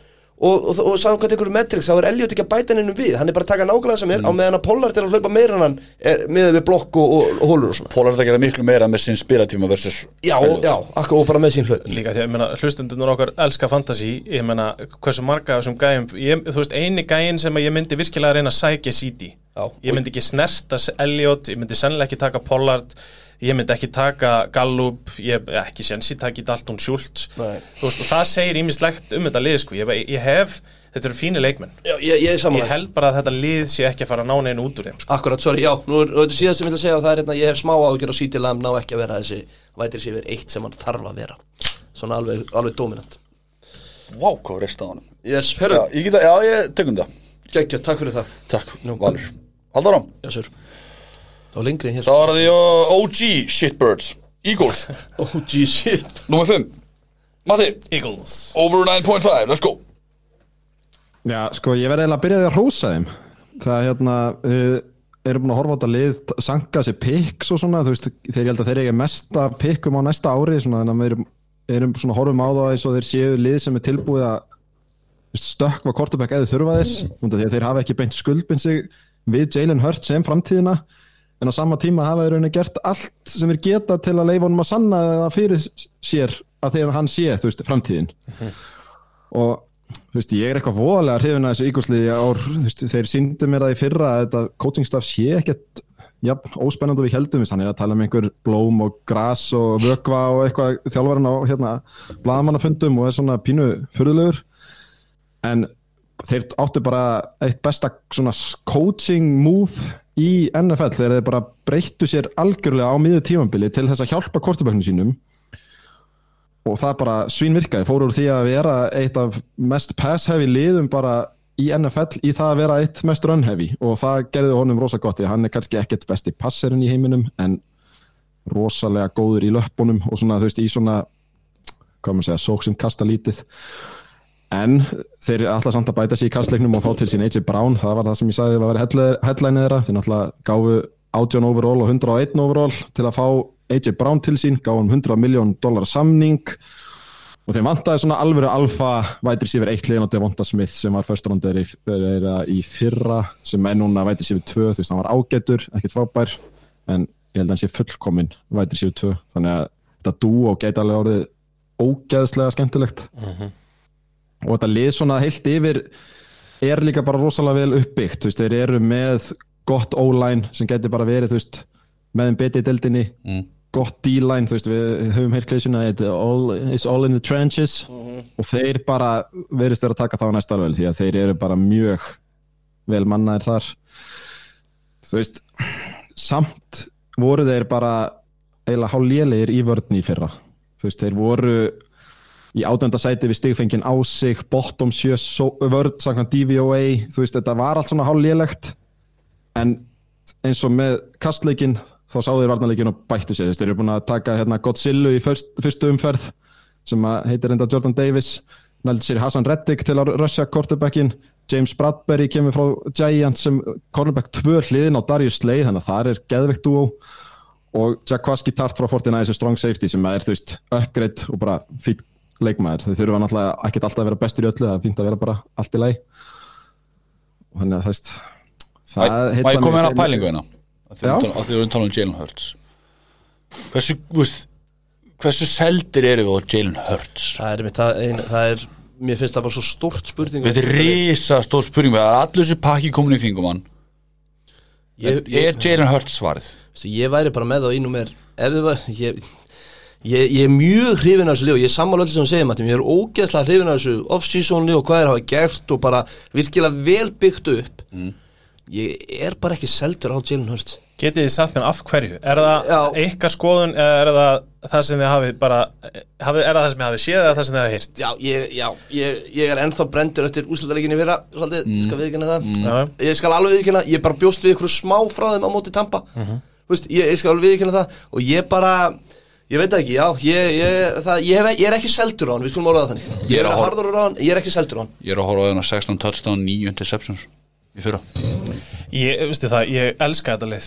Já, já. En af hverju skal nei, Jalen Hurts Bíti, bíti, bíti, leið mér að segja, ég setti það mjög ofalega. Já. Ég reið Eagles mjög upp á powerrankinu og ég er þessi hópur sturlaður. Þú varst með númer þrjú. Já, þrjú. Já, Ég hrifin að þessar sóknarlínu Já. Þessu wide receiver kori Dallas Goddard er geggjaðu tight end. Já, já. Í mikil tight end og ég glemur því. Minnst Miles Sanders bara er að vera mjög óöpinn sem running back og Kenneth Gainwell fyrir aftan hann. Mhm. Ég, ég, er ekkert að segja að Jalen Hurts er ekki skemmt spennandi quarterback, hlaupandi quarterback og getur gert full. Ég er bara ekki að, ég, Ég myndi ekki setja mín hlutabref á Jalen Hurts. Jalen Hurts í þessu liði með AJ Brown eina bestu sóknarlínuna með Devonta Smith, með Dallas Goddard með einhvers konar stabilitet í þjálfaraliði og með þessa vörd síðan til að koma inn og þegar mistökin gerast er fínt fyrir mig. Það sem ég elska líka er að ef að Jalen Hurts meiðist eða lélugur, þá fæ ég Gardner Minshewin sem er bara sorry, ég myndi ekkert grenja að sjá Gardner Minshew með almennilegt lið sjá hvort hann getur eitthvað. Ég er ekki að segja þetta sé einhverju world beaters en svo kemur ofan á það einmitt pikkin sem þeir eru búin að sapna sig, ég er bara svo spenntu fyrir þessu liði, af því að, þú veist, ég gæti alveg verið bara, komið með bara eitthvað svakalegt tekið og satt bara, þeir eru að fara með þetta ef þeir eru ná að halda svona liði með pikkin sem þeir eru með og gæti verið unni Super Bowl á næstu þreymur árum og ekki einu sinni með Jalen Hurts. Já, ég, ég, ég er hértalega samanlega þar en mér finnst það mitt umræðan í kringum liðið núna í ár vera þannig að þetta gæti alveg verið bara Super Bowl lið sko sko, mér finnst það mjög hátt en ég heldur, ég heldur gjössamlega baki þennan NFC Ístrið, ég heldur sem er miklu betra lið heldur en Dallas Cowboys. Og ég er bara ekki, ég er ekki að gera þá kröfu að Jalen Hurts sé topp 10 quarterback í steld, ég held að hann þurfi ekki að vera það. Nei. ég held að hlaupaleikurinn gengur upp. Með þessi vopn, þá er rými fyrir mistukjánum að því að vörnin hjá þeim er síðan góð á móti, ég held að sé bara það er svo mikið sem vegur upp á móti hversu Jalen Hurts getur verið góður. En ég held líka bara að hann sé að taka risa skref ég held að sé bara verða betur og betur og betri. E- Eitt hérna, sorry, áður en að mættu fara aftur að, sko, það er lélugastu hjá þeim uh, Unitin, það eru QB og running back að mínum mati en besta Unity hann líklega er sóknarlínan Já. og þá eftir að hjálpa þessu bæði rosalega mikið og, já, Ég hef bara trú á Jalen Hurts, ég held að, ég held að geti eins og ég sé, ég er ekki alltaf stíðis að hann verði einhver, einhver bara MVP í þessari deild, en þú veist, við vorum að tala um Kirk Cousins á hann, ég held að Jalen Hurts geti vel verið á sviðbjörnum stað á Kirk Cousins í þessari deild, bara svona einhver staðar á milli 10 og 15 Já. og það er bara feiki nóg til að vinna NFC East og gera bara atlugu að einhverjum látum í playoffs, ekkit endilega Super Bowl, en þú veist, vinna tvo leiki. Ég vona eiginlega að það er rétt fyrir ég, ég, ég, bara, Ég fíla þetta, Ígor. ég fíla þetta lið og ég, veist, mér langar líka ógislega mikið að, að þessi og og og selja okkur ár eftir ár eftir ár. Taki núna skrefið upp og verði góðir í minna hlutverki, veist, það er bara ímislegt í þessu liði sem er óbúslega skemmtilegt. Já, sko, ég held ástæðan fyrir að ég sé svona spenntur fyrir að þeir minna mig svolítið á þegar að 49ers fóru í Super Bowl á móti Chiefs. Þú veist, þá var einmitt quarterback sem var hvað, 12 til 18 með drullu sterkan hóp allstar annar staðar. Og hann þarf ekkert, eins og Kalli segir, að vera einhver game changer. Þú veist, hann þarf bara að vera nógu góður og hann hefur náttúrulega, þetta er eitt besti hlaupandi quarterbackin í deildinni. Hann er sæmilegur til ágætur í kastleiknum og ef hann tekur kannski eitt eða hálft skrif fram á við þá er þetta drullu hættulegt lið en hann þarf samt að bæta sig einu sem var mjög stórt, þú veist, þeir voru topp 10 sókn frá 20 hjartalínunni yfir í 20 hjartalínuna nei, 10 hjartalínuna, en þeir um leið og þeir fóru niður í rettsónið og, og, völlunum fóru að þrengjast bottom 10 þú veist, þeir bara veist, ég held að uh, meðaltali hjá liðum er að komast 17% af sóknum sínum að 10 hjartalínunni og það er skittu þeir sko. Og það er stórt. Þar kemur AJ Brown minn inn sko. Já, hann, nefnilega, Já. hann getur orðið sterkur þar bæ, veist, hann er náttúrulega geðugur aftur því catch og stór og stæðilegur. Þannig að veist, hann, ef hann helst heill þá geti hann alveg umtornað þessu dæmi og líka það var að virka eins góðert við vitum hvað hann er góður, hann hefur aldrei átt þetta stóra sísón sem að, maður er búin að vera vonast eftir en þú veist, ég veit ekki, þetta er bara veist, það er engin leikmaður held ég í deildin að fara í jafn mikið vakt tímabil á Jalen Hurts. Því að hann geti verið annarkort framtíðin og fá stóna samning veist, og er bara set for life peningalega séð sem að verði reyndar alltaf eða þá að hann sé bara að fara í eitthvað journeyman framtíð. Ég veit um einn annan sem er í svona stöðu Þú, Ananas prinsinn.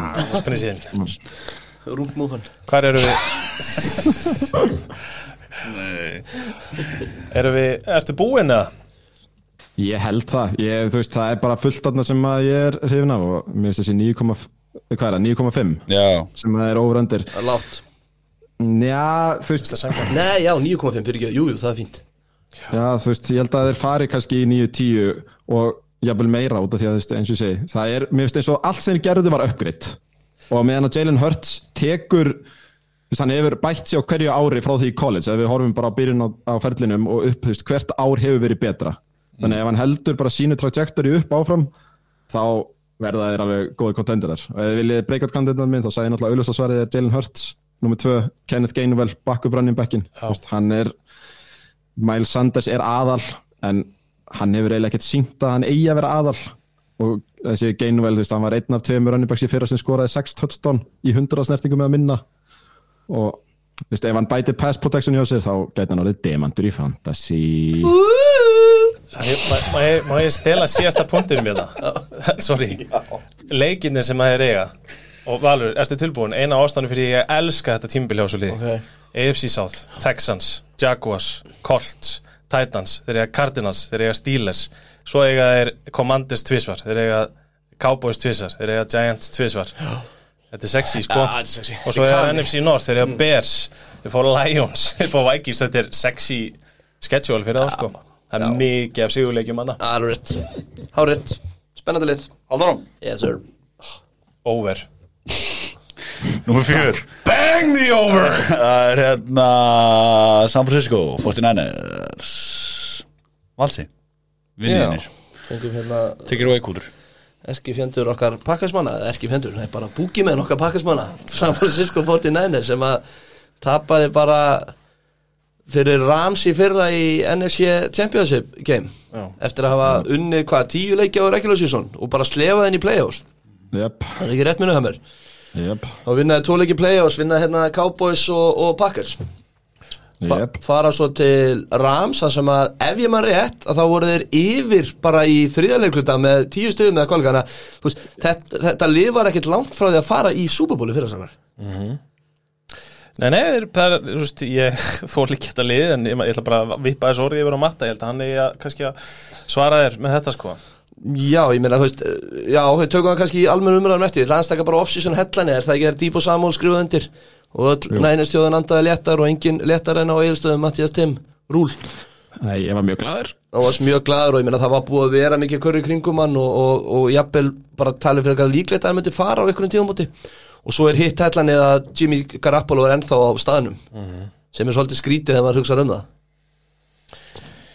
Þú veist, Ég, ég, þú veist, hann er á staðinum eða þannig séð, þú veist, hann mætir að hittar upp, kastar nokkur sinnum og fyrir síðan heim. Hann mætir ekki að fundið hann eitt þannig að þú veist, hann er tæknilega sér undir samning en hann er ekki á staðinum sko. þú veist, á þess að fara eitthvað massíft langt aftur í tíman og það er skrítið bara út af umræðunni í kringum Jimmy G að hann sé ennþá þarna en ég skil ekki af hverju það er svona slæmt að Jimmy G væri bara ennþá þarna. Hvað er bara, er ekki allt í lægi að vera með eitthvað reynsla, hann er ekki það góður það er ekki svo, þessi Patrick Mahomes bara býðið eftir að komast í nýtt lið, sko, þetta er Jimmy Garoppolo róum okkur aðeins. Uh, ég skil ekki af hverju það þarf endilega að vera slæmt að vera bara með góðan backup á bakvið svona eitthvað ferskan quarterback, ég skil það ekki. Út af, sko, út af því að þetta er vandræði með launathæki sérstaklega út af því að hann 30. ágúst, ef hann er ennþví í liðinu þá fer kappitið að hitta. Þú veist, akkurat núna þá er það held ég ekki bakað inn í kappið þeirra þannig séð, þannig að þú veist, hann ég held að þeir vilji bara ekkert hafa hann þetta er náttúrulega frekar fyrðulegt að hann er náttúrulega búin að vera að maðurinn búin að fara með á í Super Bowl og NFC Championship game. Og þú veist, var já, þú veist, þannig að veist, jú, jú, það er kannski ekkert þægilegasti mann til að hafa þarna upp á umræðina og vera með þriðja yngsta NFL-leikmannin sem starteriðin sko, þannig að ég skil alveg, en þeir eru ekkert að drífa sig að hendunum sko, þú veist, þeir vilja alveg halda honum til 2009. ágúst, ef þeir þurfa þess því að- þannig að það er svona þú veist, ef að Lance meiðist þá náttúrulega bara kemur hann inn og, og þess aftar en þetta á að vera liðans Trey Lance Já, það er einmitt kemur að breakout kandidatunum. Það er nú kannski ekki erfitt að finna hann hjá Niners það er bara. Trey Lance og ég meina, Trey- þeir seldu húsi til að fá hann gáðu þrá, þrá first rounder og third til að fara upp í nummer þrjú og sækjan og hérna, og í liði sem að hefur alla byrju til að fara langt í NFC í þessar NFC-deild að þá hérna, er bara mjög mikilvægt að hann fari bara á staðum Ég með þú ert að tala um press og quarterback ég meina hvað ætlaði að gera, henda Nate Sudfeld inn og, og byrja bara Já, að en- vinna leikið En þetta er eins og hérna Díbo var spurður í viðtalan daginn sem ég sá NFL Network og spurður sko hvaða trú hann hefði á Trey Lance. Og hann benti alveg réttil á að sko veist, ég hef alveg fulla trú á Trey Lance en ég hef líka bara svo mikla trú á okkur í kringum hann til að gera hann lífið auðvelt þú veist, hann er með, hann er með þú veist, Díbo og hann er með Kittul og Brandana Júk og sem hann er vist hann á góðu sambandi við og eitthvað svona. Þannig að þú veist það er allt í kring og svo, svo fína sóknarlínu eða góða sóknarlínu og hérna og sjana hann og sjana hann að, kalla playin. Þannig að það er allt í kringum til að meika og hann þarf bara að meika það Þú veist, ég held að það sé ekki, ég er búin að segja þetta nokkuð sinnum, rúki, þú veist, til þessi bestu aðstæðu sem rúki við farið inn í bara í 20 ára eða eitthvað, sko. Að það sé ekki spurning og hann er sem er- að svona pínu óröggrétt að ætlast til að hann komi inn og verði bara góður, þú veist, hann er ennþá 22 ára eins og hann þriðist þriði yngsti leikmaðurinn í NFL þrátt fyrir að það sé búið að fara einn draft ringur í gegn síðan að hann var draftaður. Já, vá. Og hérna þú veist það þetta verður upp og niður en eins og bara pínu með Jalen Hurts hópurinn er það góður að ef að upp er meira niður þá mun þessu liði ganga vel og fara inn í play-offs. Já, það mun alltaf eiga einhver fáráleik kost, það er bara að eins og sé gali að hugsa að hann gerir það ekki. Já, ég meina, aftur, ég skrifaði nákvæmlega vera góðir, ég meina, erum við Kyle Shanahan að, að, að henda í þessi skím? Og ég meina, við sjáum það að síðan hvað, í síðustu tveimur árum þá er Jimmy G, uh, hann er með flesta hjarta í hverju playi sem hann hefur, þú veist, kastaboltanum en hann er með næst síðustu kasthjartana Þetta sem þýðir, þetta er allt yards eftir catch Jak sem að þýðir bara að þetta er skím, skím, skím Já, já. og þú ert ennþá með sama gæja að kalla skíminn Já. þannig að þú veist, ég hef alveg trúaði að þetta gæti gengið en ég er líka ekki alveg sannfærur þú veist, eðlilega, maður er ekki síðan einn, eða þess maður er síðan svo lítið í NFL Sára, Deildinni. sára lítið. og svo erum við ekki að grípar að sveit og ég menna varnarlínan þarf ég að tala um hana eða það er náttúrulega, þú veist, Já, Bósa, að. Kinnl og þú veist, svo erum við hérna Rúki í Edsinu verður hann í byrjunlegin hann Jackson sem var valin í fyrst ránd Mér eða í finnst það mjög annarum líklegt. ha, Já, mér finnst það mjög líklegt. Og svo erum við besta linebacker í deildinni í Fred Warner, uh, Greenlaw við hliðin á honum, skiljið hvað meina, þú veist. Og svo styrtu þeir aðeins secondary sitt sem þeir þurfti að gera með því að, með því að fá hann hérna inn uh, fó, frá Kansas. Já, var, þannig að þú veist þetta lið er ekki alls ef að, ef að lands er bara góður eða fara fín, gó, bara fín rúki þá er þetta lið betur enn í fyrra held ég. Já, Já, já, já, þú veist, þeir eru að tala um sko Beatwriterarnir er að tala um að þessi vörd geti verið betra en þeir eru fóru í Super Bowl sko. Já, einmitt. Af því, að þá er, það var D. Ford þarna en hann alltaf spilaði valla ef Kinlaw kemur þarna inn hliðinu Armstead þá verður þetta þessi sóknar inn, nei þessi varnarinn galinn sko. En þú veist að þetta er eins og þú skrifar hérna hljóta að vera hefnari með meðslun undanfærin ár. Já, þetta er búin að vera eitthvað svo stíð er alltaf rosalega varasamur út af þessu meðsladóti það er bara einhvern veginn hefur fyllt þessu liði voðalega mikið en þeir eru náttúrulega með þú veist já, kannski vætir sér eitt í dildinni ef þú horfður á þannig tight end eitt þú veist, Já. þeir eru drullu vel mannaðir en það er bara meðsli og lens sem er helstu stu- spurningamerkin. Ekki spurning og ég hef mér skrifað okkur verða þær ekki góðir. Það er bara hversu góður er Trey Lance. Og veist, við getum sagt hvað sem við viljum með Jimmy G en á öllum ferðinum með Niners eru við 35-16 meðan 8-28 ánans Já, skiljið, þú veist þannig að þetta verður bara spennandi að sjá hvort að Sjana nær að koma hérna lands inn í þetta strax og, og hann verði þessi völdbít, eh, ekki völdbítir bara nógu góðu til að halda þessu gangandi. Góðmúður yes, yes, On we go, yes. Nummer þrjú. Green Bay Packers já maður Þorki Magnússon. Já, heru, við erum okkur bara beint í off-season en það hlýtur að vera uh, Devante Adams sem kýs að semja ekki við Packers, bara það, svo, það sé ljóst og fer til Oakland Raiders, nei ekki Oakland, Las Vegas uh, akkur, er kísan að kjósa að sem ekki við að því að besti vinnur hans apparently sem að enginn vissi er hvort er bakki á Raiders ógisla skrítið Þessi Derek Carr eða ekki? Jú, Hall of Fame Þannig að hann kaust Derek Carr fram með Aaron Rodgers. Já, fram yfir fjórfaldan MVP Aaron Rodgers. svo má hver sem er taka það sem það vill út úr því. Og hann hefur preference til Derek Carr frekar en Aaron Rodgers. Greinlega og ekki bara það heldur held ég að lífið sé nú bara töl, talsvert skemmtilegra í, í Las Vegas heldur en í Green Bay Ásta Country. Uh, já, Kvolsvelli í Bandaríkjana hérna ekkert samt á móti Kvolsvelli breakout kandidati Ás. minn er, er AJ Dillon. Í ár, ég er bara uh, fyrir mér, eh, bara við förum kannski meira yfir að hvernig running leikurinn verður örgulega hjá Pakkas í ár. Þú veist, hann og Aaron Jones saman þá er verið að tala um besta dúo í deildinni, ég held að þeir verði ég er bara eitt, ég er bara myndi ekki ská já, bara, við, gæti verið besta sko. Ég veit ekki hver toppar þetta á, á sínu degi, Dillon er skeppna Browns. Já, Browns, já, ég, ég veit það ekki. Hunt eða Dillon, ég menna það, það við sé ekki læri það Nei, hann, er, hann, hann er líka bara hann er öðruvísi leikmaður heldur en Jones. Þeir saman eru svolítið yin og yang en samt getur hann alveg gripið boltan en hann er bara skeppna á velli. Hann getur hlaupið öðru vísi heldur en Jones hefur gert og svo setjum nummer tvö, umtalið um Rómi og Döbb sem sé bara næsti Jésús Kristur sko hann að, og það er bara einskott hann verði það, hann og Watson hann að Og þetta er sífur rúki Já, sem að tekinni þriðum umferð og ég menna hann allavega virkar mjög spennandi og Rodgers er yfir á honum, það er náttúrulega nummer 1, 2 og 3 Rodgers velur sér vætri sífirina sína. Þannig að hérna sjáum hvernig það fyrr uh, hvað þarf að vera betra eða verra á næst ári er ég skrifaði nummer 1, 2 og 3 er special teams. Það var lélegast í fyrra, nummer 31 eða 32 bara fyrir eftir hvað rangi þú fer eftir. Og Packers, ég fór að lesa mér aðeins til um þetta. Staðan á bara þannig að þeir rifu upp veskið og tóku bara gæjan sem var að þjálfa Las Vegas Raiders í fyrra, þeir Rich Bisaccia sem er bara með 20 ára fyrir sem special teams þjálfari og uh, það fer gott orða á honum. Og ég vona bara að það verði farsæl ráning fyrir hann. Í fyrsta skipti núna, bara sem að bítrættirar sem maður er follow á Twitter sem voru að vera hérna í mörg, mörg, mörg ár. Fyrsta skipti núna sjá þeir á æfa hérna special teams eitthvað. Já. Sem að segja bara meira mörgur, það verður ekki lögð lögð neina áherslu á þetta. Og það er vist alveg eitthvað verið núna svolítið impráð því eðlilega. Já, já, svo var verið að skipta um pöntir vegna að við áttum ekki fyrir frábæra pöntirni sem við vorum með í fyrra. Uh, Crosby kemur aftur sem kicker sem að held ég hafa klúra flestum fílgólum í fyrra þannig að hann og einskot að hann gerði sig. En, en aðalatriði var það sem ég var að lesa mig til um var að það á að leifa honum bara að nota betri leikmenn. Hann bara, special teams í fyrra var bara léletta því að það voru bara uh, 11 lélegustu leikmennir á rostinu voru bara langt að spila special teams þannig að AJ Dillon meður samt í NFC út af, út af það er bara eins og það er með, þú, svoleiðis er það bara og ég menna það á að opna þann glugga eða bæði meiri peningum í þetta coverage vesen sem var, af því að það var aðal vesinni og við sjáum hvernig það fyrir, ég ætla nú ekki að tala mikið, meir um þetta. Þannig að Hattek er farin til Denver uh, Adam Stefanovic er tekinn við sem OC það er alveg stórt þegar þú missir offensive coordinatorinn í svona sóknum. Ég meina, Denver menn eins og Stimmer er nú bara mjög ánægði með það að fengi skallan yfir til sín. Ég samt held að það gæti bara verið mjög, mjög hérna farsælt og ég ætla að koma eina geggja langsóta frétt að vinnur okkar, ég held að við höfum reyndar ekki náði í á fyrsta sísónun okkar en Tom Clemens er komin aftur uppáhalds quarterback coachinnas Rodgers. Sem fóð fyrir fimm árum eða ekki. Og þegar hann fór þá fór Rodgers í eina sínum akademísku fílum. Hann var alveg vittlust þannig að það er bara mjög fínt. Ég er mjög hrifin af því.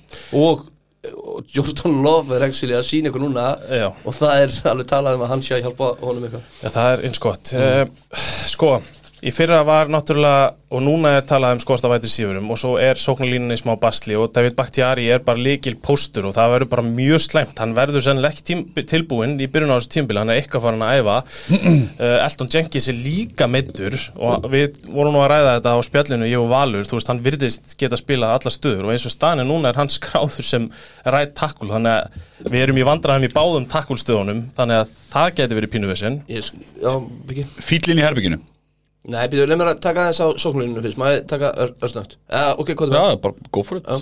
Sko, tímabili á Pakkes snýst um þenn, þennan punkt sem þú ert að koma með. Ef að Bakhtiari og Jenkins geta komið aftur og það er talað með að gætu hugsan að spila snemma á tímabilinu sem fjóruðu umfyrir whatever.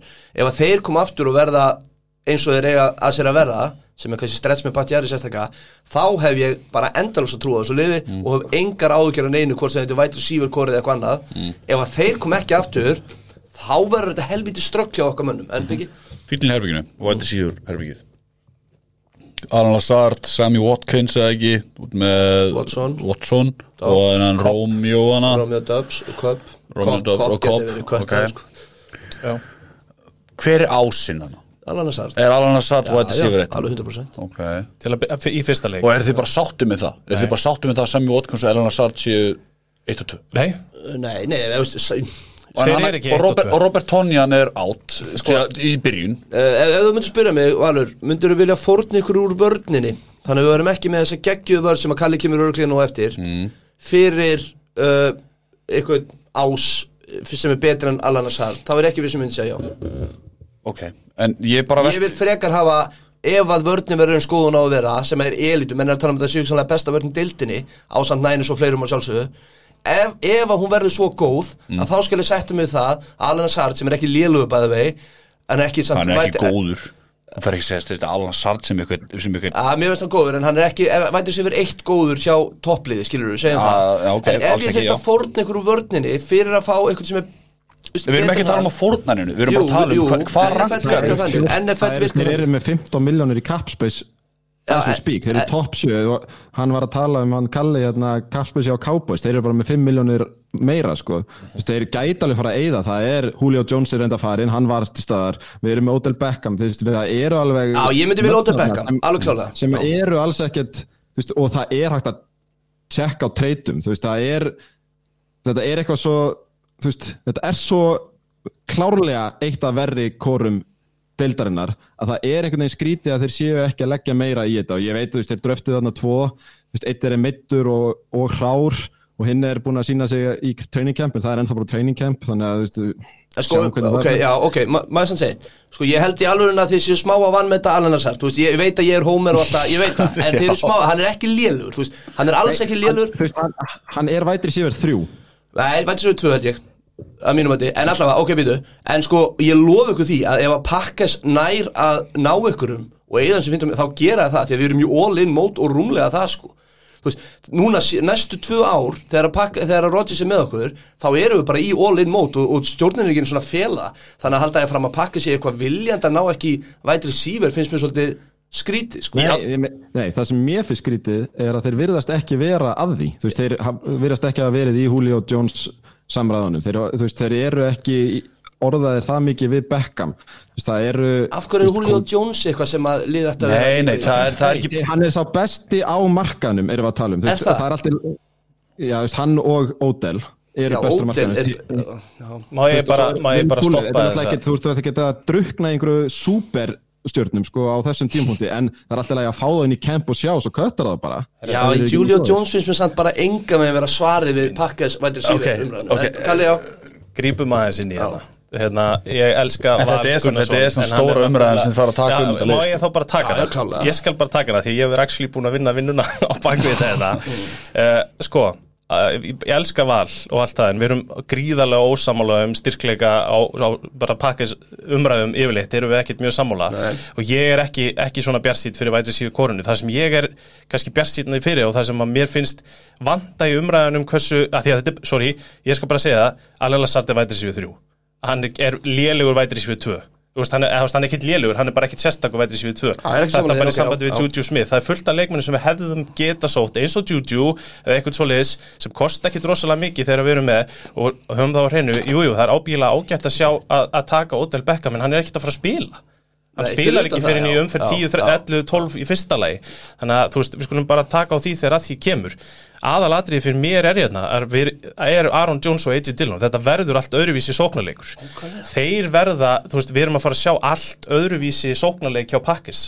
Það mun allt rúlla í gegnum Aaron Jones sem mun breytast í svona bara hálfgerðan ég veit ekki hvort maður á að kalla hann slott en hann verður bara mjög ábyrjandi í gripleiknum og Dillon er líka, skripari líka. já, já. við gætum séð bara að sóknin fari miklu meiri gegnum þá.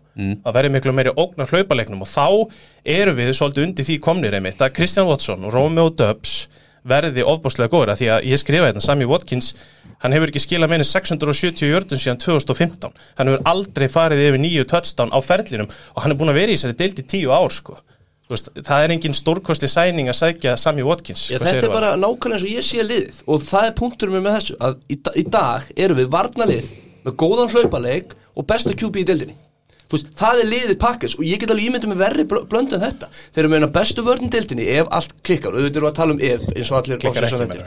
Já, veist, ef allt klikkar, kliks Já, já. ef allt klikkar í vörninni þá erum við meina bestu vörn í, í deildinni við, og Batjari og, og Jenkins þá erum við góða sóknarlínu besta QB í deildinni, þú veist, Mm. tölum það og góða hlaupaleg þá mega vætri síðan fyrir mér vera miðlungs Auðvitað, sko, og við skulum ekki glema því það er engin að segja hérna, ég hefði ekki vilja ha- halda í Adams Nákvæmlega. Nei, nei, nei, við erum nei, ekki það er ekki- er ekki spurningin mín. en, en ég, þú veist, Valur sá á sín tíma ég er ekkit vissum ég hefði vilja Julio Jones ég er að mörgu liti sammála því að veist, af því að mér finnst bara Julio búin að vera undervelming vætri sífir, hann er bara nafnið 100%. hann er, skilar ekki því sem að nafnið segir okkur hann er að skila Nei, nei. og þessi markaður var ekkit brjálæðislega æsandi, þú veist, þú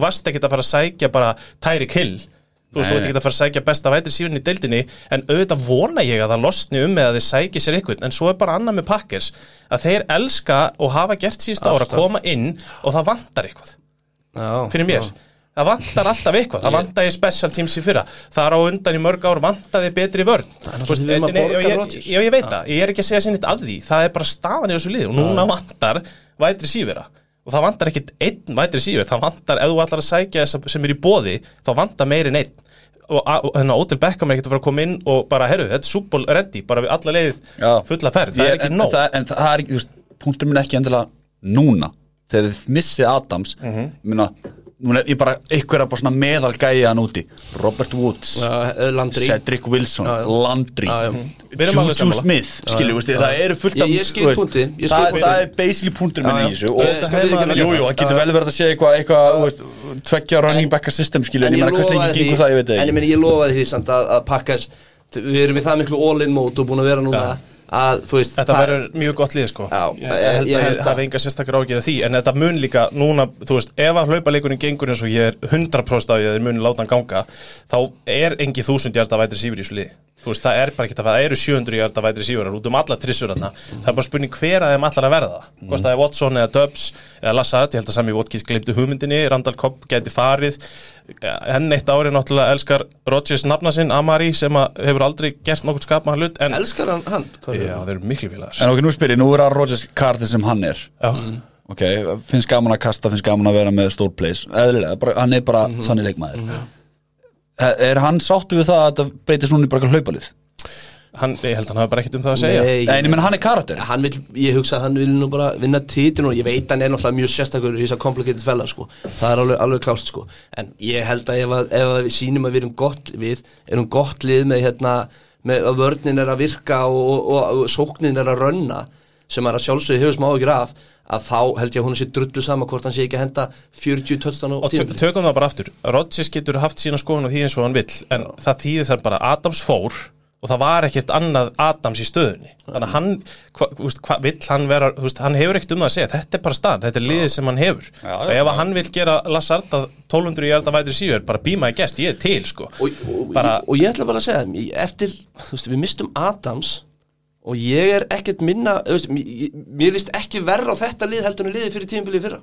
Og jafnvel betur ef eitthvað er Eva Bakhtiari og Khan Ég held að, að hérna, mér líst auðvitað líst mér aðeins, mér finnst þetta verra, þetta er ókostur, en ég menna það er, það er hellingur í þessu liði.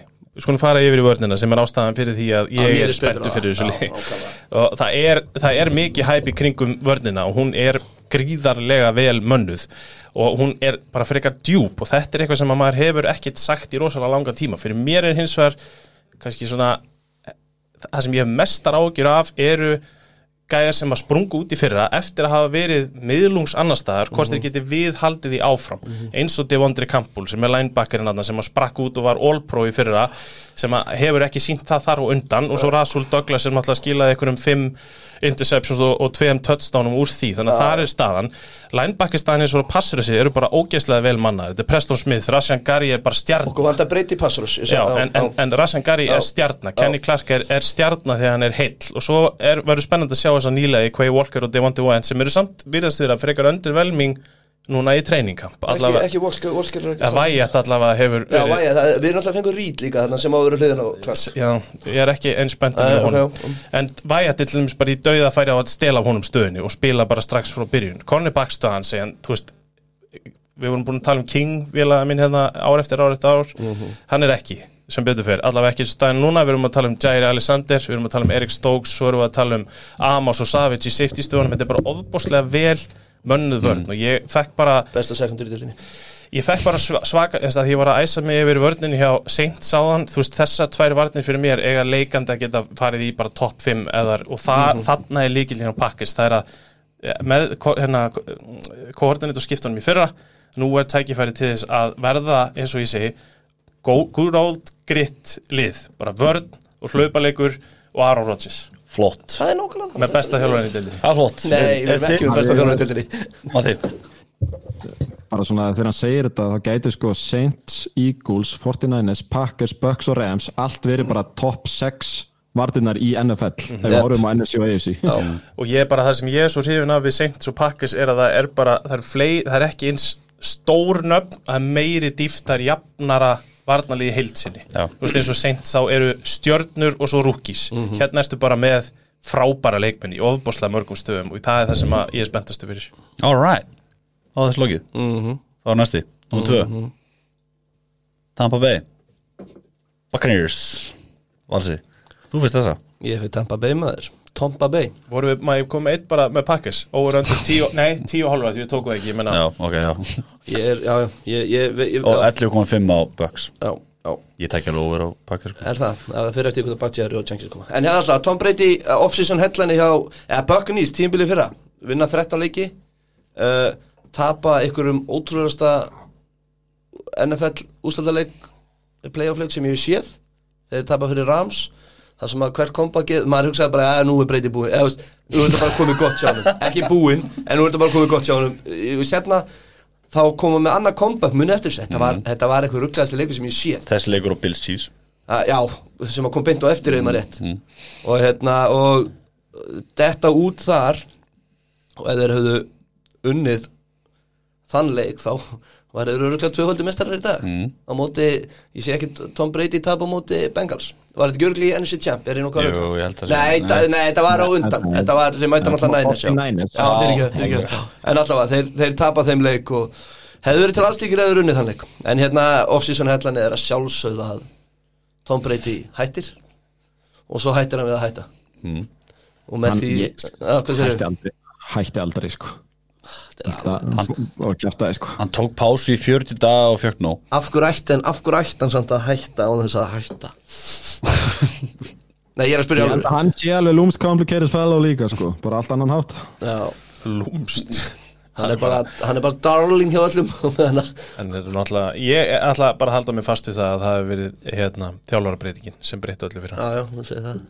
Það getur vel verið. Það getur sem er líka risa off-season headline Sem er líka að kála En það náttúrulega trompar ekkert breyti En það er rétt, Bruce Arians hættir. Og, hérna, og þeir ráða besta, besta vinn okkar í hérna, Todd Bowles sem að Þorkjell Magnússon kom með yfirlýsingu fyrir nokkrum árum og sagði bara hei, sama hvað gerist ekki ráðan sem head coach. Hef, það eru mínar áhugir að þessu lík já, já, já, já. Og hérna, en allavega, þetta eru huge og svo er náttúrulega Gronk actually hættir. Þetta- ég getur bara tekið bara hellan fyrir NFL Já, en Gronk, er Gronk hættur strákar? Þetta er ekki Já, ég held að Nei, Ég held að sættur hann kemur bara þegar treyning kemur búið. Ég held að sé setna reyndar. Ég held að hérna, við getum alveg sér grónk bara í leiku ykkur tíu eða eitthvað sko. Ég ætla ekki að, ég, ég ætla bara, ég er hættur efa svona hluti. Þetta á bara að vera svo skilnar það skrifum þér ykkur pappir og getur ekki bara komið aftur. Bara í hjónabandið, bara hérna. Aja, þetta er allavega hérna Skildi síslum hann svo bara búið. Já, heru, nei því miður Tom, þú varst hætt Nei, nei, en allavega breyti heldur áfram sem er náttúrulega huge. Uh, Breakout candidate í Tampa, svolítið erfitt að finna hann. Þetta er svo eitthvað veteran lið og og þú veist, það eru allir einhvern veginn búnir að sanna sig að mörgu leita þarna. Mm. uh, ég ákvæmt taka Russell Gates sem að kemur frá Falcons uh, inn í White Receiver dæmið hjá þeim?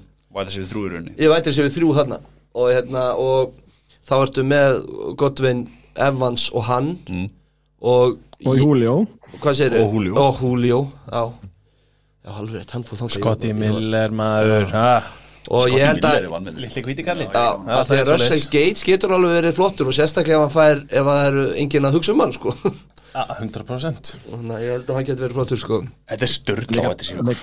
Tom Brady líka fór í GM, GM skona og ringdi í hann til að fá hann sko. Þú veist, Gates er Brady pick ef þú vilt orða það þannig. Já, ég menna, þú veist, þeir eru með best þeir eru með líklega þeir eru ekki með, þeir eru með allra bestur í sífurum í deildinni. Uh, þeir eru alltaf með Tom Brady í, í QB Leonard Fournette. Já, V- Leonard Fournette play of Lenny í running back. Svo er vörnið er að rosalega góð. Alveg rosalega góð Sóknarlína þeirra er mjög góð. Hún er samt, þeir hún er eru bengd samt upp að sko. missa úr henni. Já, þeir fengur samt, ég er bara, þetta er bara, I'm reading here, sko, þeir fá Shaq Mason inn og taka Já, já. síðan second round pick í, þetta er ekkert agalegt, sko. Nei, en þeir eru, samt, þeir eru samt að missa úr henni alveg, alveg slatta og náttúrulega Jensen að meðast um daginn hvað er hann, Malib eða eitthvað þetta, hann, hann náttúrulega, þú veist, Ali Marpet. Hann var bett Nætur. ég, ég, veist, ég, ég er smá áhyggjur aðeins þar. Ekki ég. Ekki neitt. Ekki neina, sko. þeir, þeir fóru eiginlega úr því að vera elite í að vera ágætir. Já, Já, það er nú svolítið stökk. er- er- pressan kemur upp miðurna, þá er bara breyti í Já, það. ég meina, þú veist, það er alveg helvið stökk að fara úr elít í að vera bara fínir. Ég með þess að vætri síður Ég hef enga sérstakar Ég bara, ég held að þú getur Þú veist, ef þú, ef þú bætir þig eitthvað annar staðar þá getur, þú veist, þetta rettast alltaf. Ég held að, ég hef engar ávíkjur af þessari sóknlínu þó að sé le- slæmt að missa leikmenn. Nei, ég meina, ok, Alex Kappa, hann fyrir Bengals. Mm Marpet er hættur. Jensen er middur, þannig að að taka þrjá gauðra úr, úr Startinu, startinu í fyrra. Úr startinu í fyrra og ég bara bestu sóknarlínu í deildinni, þú veist, topp. Ég hef að sjálfsögðu maður áhyggjur og missir, missir 60% af, af ykkur unity hér. Já, já ok, þú ekki þú bara af verið þetta.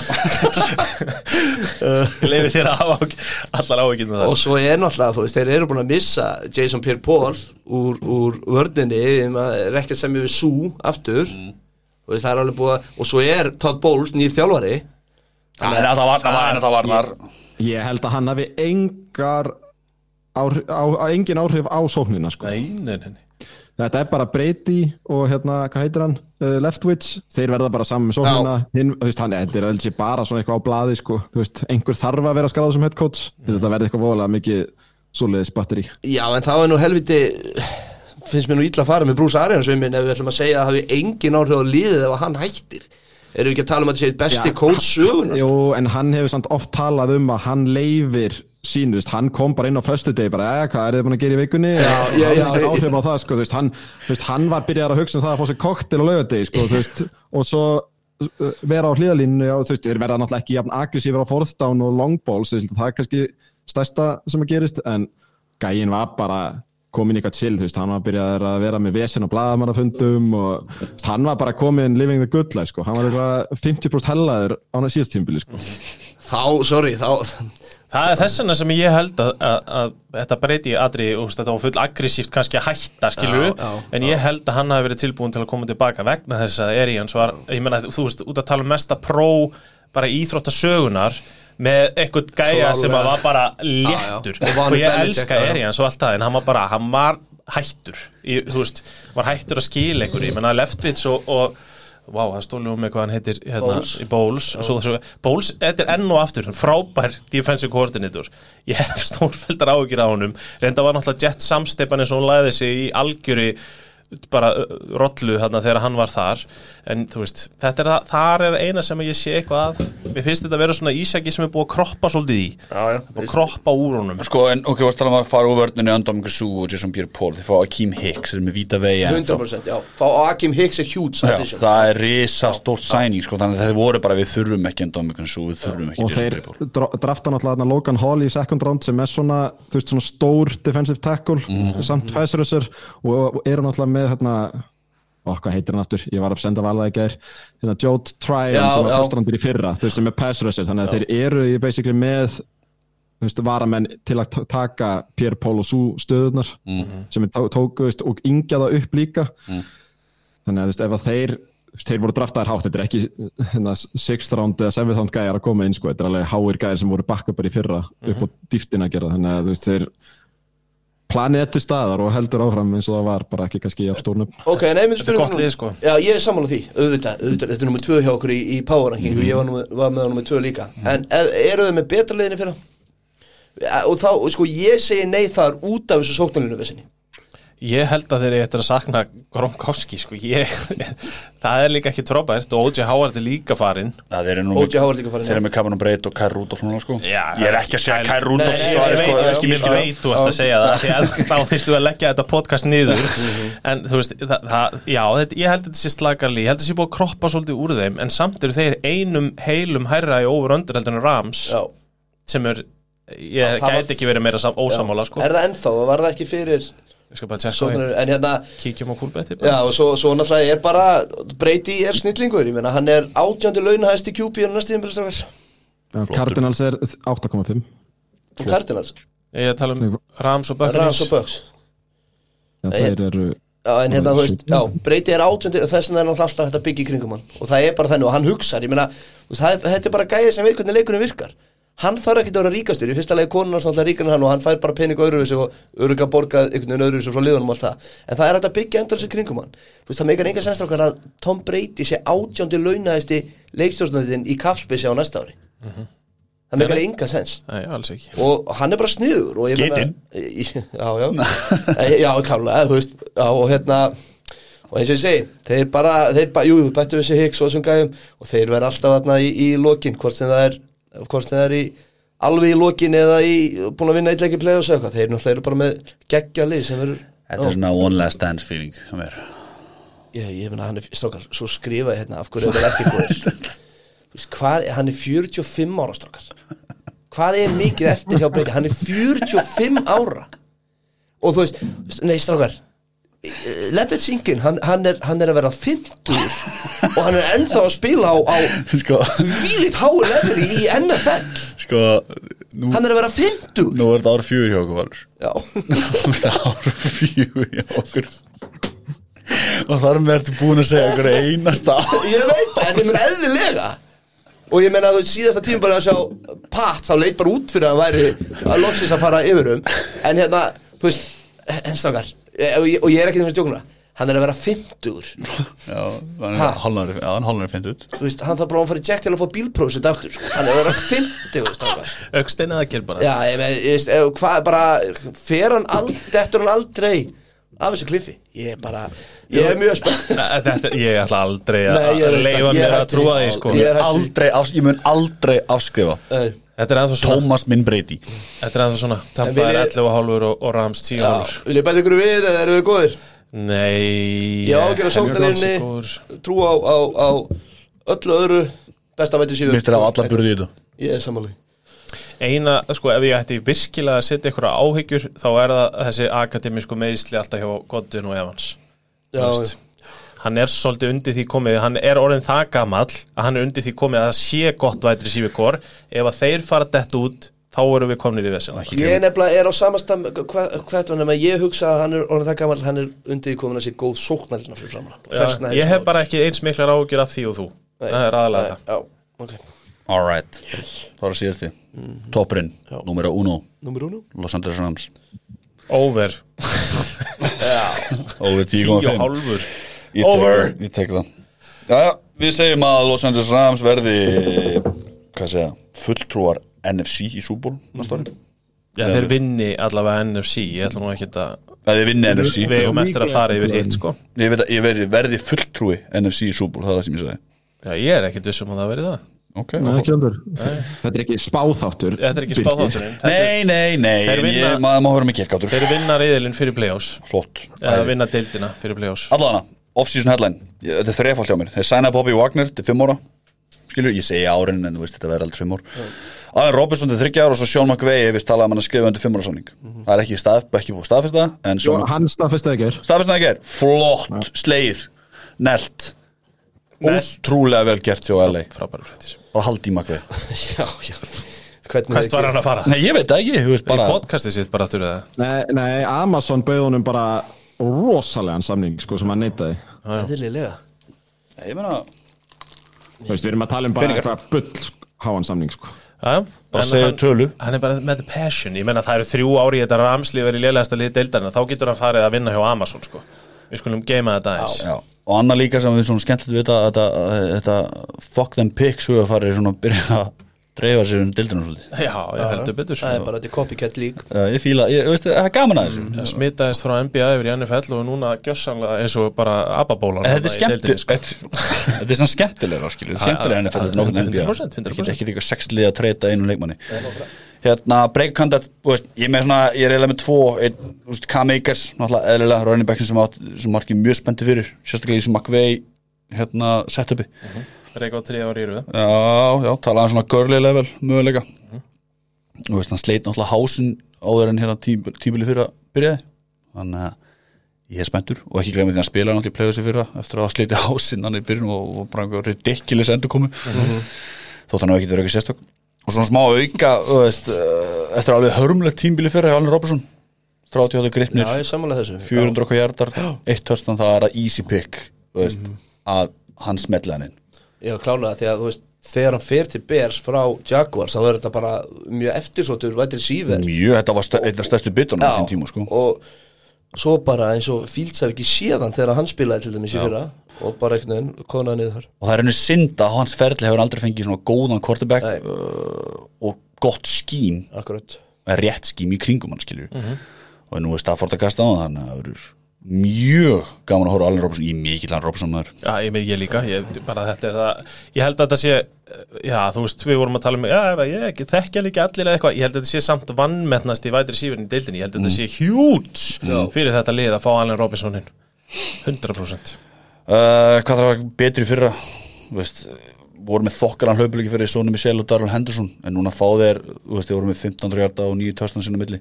Núna fá þeir svona gæjan í Cam Akers vill ég meina, og Darrell Henderson ennþá hana en til að þeir rauninu verið betri veist, OBJ fer og Allen Robinson kemur inn sem er bara fínustu skipti. Það er ekkert að því, frábær vætir síður fyrir frábær vætir síður auk þess bætti þessu við Bobby Wagner varnalega sem spil núna með Aaron Donald, Jalen Ramsey, Leon Floyd og, og, Þetta- Þessi, þessi vartalínu hefði með rugglustrákar og what the fuck skilur og bara powerhouse lið. Algjörlega. I like it, I like it a lot. Hvað finnst okkur um að, að Bills hafi mætt hann inn, swooped inn og, og stólið bara. Bills, Von Miller. Mm. Von Miller. Já, og hvað finnst okkur um það? Skiptir það, hversu miklu máli skiptir það? Ég held að skipta alveg, ég held að Von Miller þegar það kemur kannski í fyrra skiptan meira máli þegar þið þurft að komast yfir ykkur tjalla og vinna titilinn í fyrst skipti með reynslunum sína. Kannski skiptir ekki eins miklu máli núna en þetta er auðvitað missir. Von Miller var mjög mikilvæg fyrir það fyrra Ég er bara, ég, svona veldi í fyrir mig, veist, Aaron Donald, Von Miller er tölvöld meira æsandi heldur en Aaron Donald og Aishon Robinson, sko.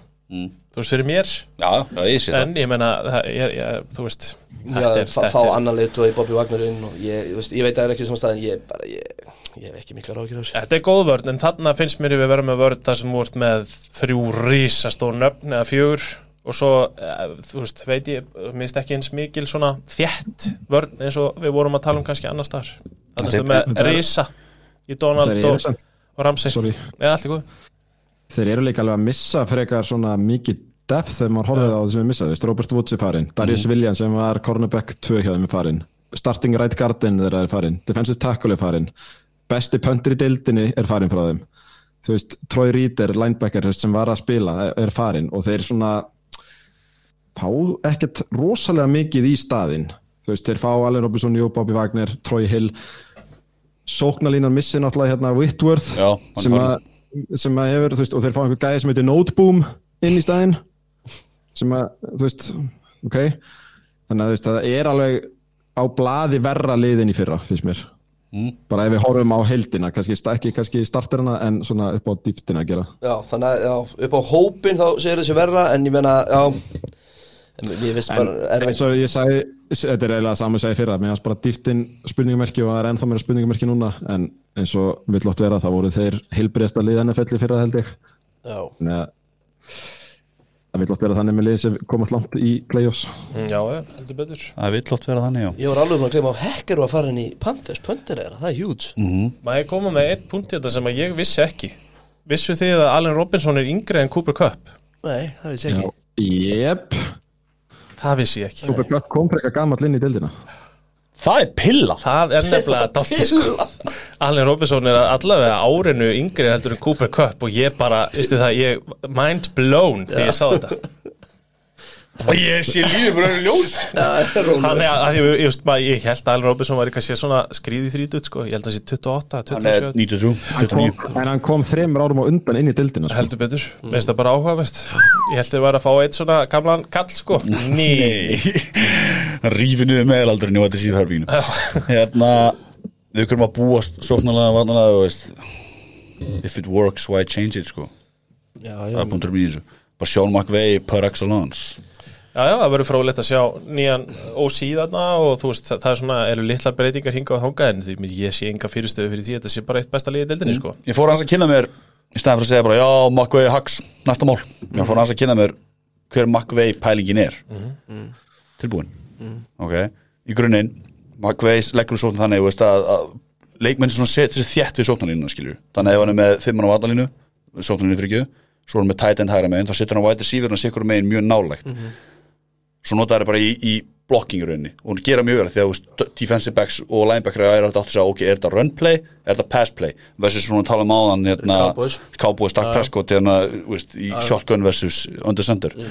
Það samanskapið þá erum við annað líka að eða hann er með sókninu svona 5 og setur hann stakkar hann oft væti sífurinn að hægra með vinstra megin saman í svona fjór, þú veist, þrý saman, tvei saman og einn ytri þannig eitt deep, en svo er hinn þá er spurning kemur aftur, er það að fara að nota í block play er það að nota í skilur slott eða slant skilur? Eða run up öllinu það sem setur svona þú veist, communications og, og samskiptirinu defensive backs og varlinu bara allt í, clusterfuck. Þetta og no huddle pælingar skilur. Pluss það Stafford er með þetta þannig að það var mjög gaman svona að fylgjast með að sjá hvernig þeir stillis upp í rauninni þannig að það var eiginlega bara punktur í þessu. Já, ég held að mínar helstu áhyggjur eru, eru og ég hef engar áhyggjur af Stafford þegar hann spilar en það er, getur Stafford haldið áfram að haldast heill? Þú veist, er Stafford, var þetta að því að hann var bara góður þannig séð í fyrra, bara mjög góður leikmaður? Ég hef alltaf þessar akademísku vorum af heilsuna þetta, hann Stafford. er ekki, hann er ekki meðslapjösi hann, Hann var það alltaf ekki Nei, nei, ég er ekki að segja þessi meðsla pjessi en, en þú veist, þeir eru búin að ná sér í þennan ás Já, bara já. helst Stafford hill þetta eru áviðum öll lið nema ég er alltaf á þessu Stafford dæmi sko. hann ætlar að díla núna við tennisolbúa hann er alltaf að díla við fucking eitthvað það er ekki mikið en hann er alltaf að díla við eitthvað sko. Já, ég, veist, ekkert sem íbúfi getur og Big Ben Big Ben náttúrulega já, já. Big Ben er önnur já, já, það var náttúrulega ekkert sem náði Big Ben. Ég er alltaf að segja myndina Big Ben regla sem hann er með þrjá minnsmöndi klakapóka á sig ykkur aukslina hérna lærun erum við, hérna, við erum, erum við alveg 100% á að Ramsey að fara að vinna NFC eða vera östir þetta er alltaf power rangjör er ég 100% af því? Nei, en ég held það já.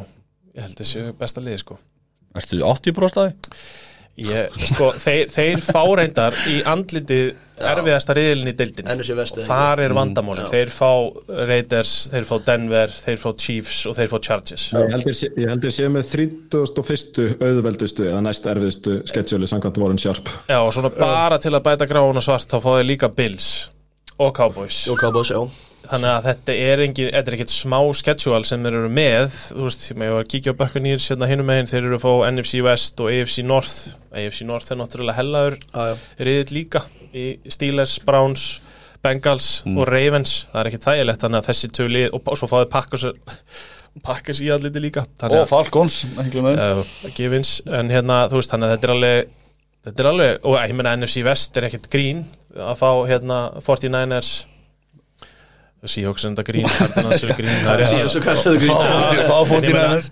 Rams og 49ers já, eins að- 49ers Þetta verður alveg Þetta eru helvitis schedule hjá þeim. Þetta er ekki eins og NFC North-liðin er að fá allavega klálega Ég meina, það er þau að færi fyrir eitthvað lið að- að að hýrða efstasæti en ég held að þetta sé svona líklegustu Superból-liðin það verður skemmtilega að fylgjast með NFC Þessi tvö Ég meina, það, þó þeir vinni ekki NFC þá er þetta líklegustu fyrir mér liðin til að enda í ég, NFC. þessi tvö, já, Já, já, þessi Ég held tvö. bara að við fáum Super Bowl preview í fyrstu umferð Þegar Bills og Rams mætast. Já, fyrsti leikur, síðasti leikur. Það skemmtilegt. Nei, ég veit það ekki, ég, ég segi svona Þetta er ekki mitt Bills er náttúrulega bara talandi um döðafæri við höfum eftir að fara yfir það en Bills er í döðafæri þeir eru í skítariðli, sorry hérna bara þeir eru, veist, miða við hinn liðin og hvernig sketsjólinn lænast upp þannig að en við höfum Bills inni. Ef ekki bara farið yfir Þetta þegar ég er þættir fyrir árið það eru 16 lið í Bills ef ég ætla að giska rétt hérna. Nei, nei, það kemur bara ljós. Eða 15 lið í Bills hérna, það kemur bara ljós Það er fullt af breytingum sem ég hérna, fara hérna, nei, svo þarf að fara í mikið Herru, ég, á ég að koma með lag fyrir þið núna? Ég veit ekki, alltaf að gera það. Ég er tengdur í bluetoothi þannig að við getum bara Ertu tindur í Það er búinu? enginn að renna yfir röðuna alveg í blálógin Jú, getum gert það. Næst að gera, herru Það fara hann upp í skjálinu Þannig að þér rétt. Hann að til að, já, fara yfir bara smá svona recap. 16. seti í NFC eru Það eru Bears. 15. Falcons. Í 14. fáum við Seahawks Í 13. fáum við Panthers 12 Giants 11 Lions Númer 10 Washington Commanders Númer 9 Cardinals Númer 8 Saints Númer 7 Vikings, númer 6 Cowboys, númer 5 Eagles, númer 4 49ers, númer 3 Packers, númer 2 Tampa Bay Buccaneers, númer 1 Los Angeles Rams. Takk fyrir komið TED-talkið mitt, ég heiti Birgir Þór. Hvað ætlar að, að hendi eitthvað? En ekki örvenda því við komum aftur strax bara í næstu viku, Já, það ekki. Þar sem við hendum í AFC 9-16. Sammála. Til að byrja. Kjærlustandi, takk fyrir að lusta, alltaf ánægja. Stráka, takk fyrir komið þáttum minn. Takk fyrir að byrja Matti minn. Flott, fara vel með þig. Allan að við erum tíu hjartanir uh, Tangur næst, takk takk. Bless bless. Love you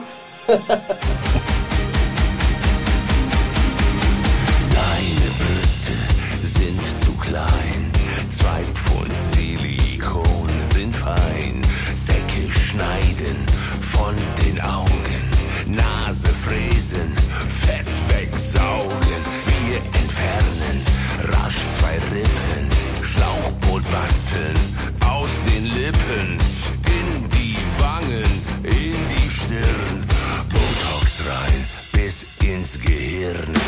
Zickzack, zickzack, schneid es ab.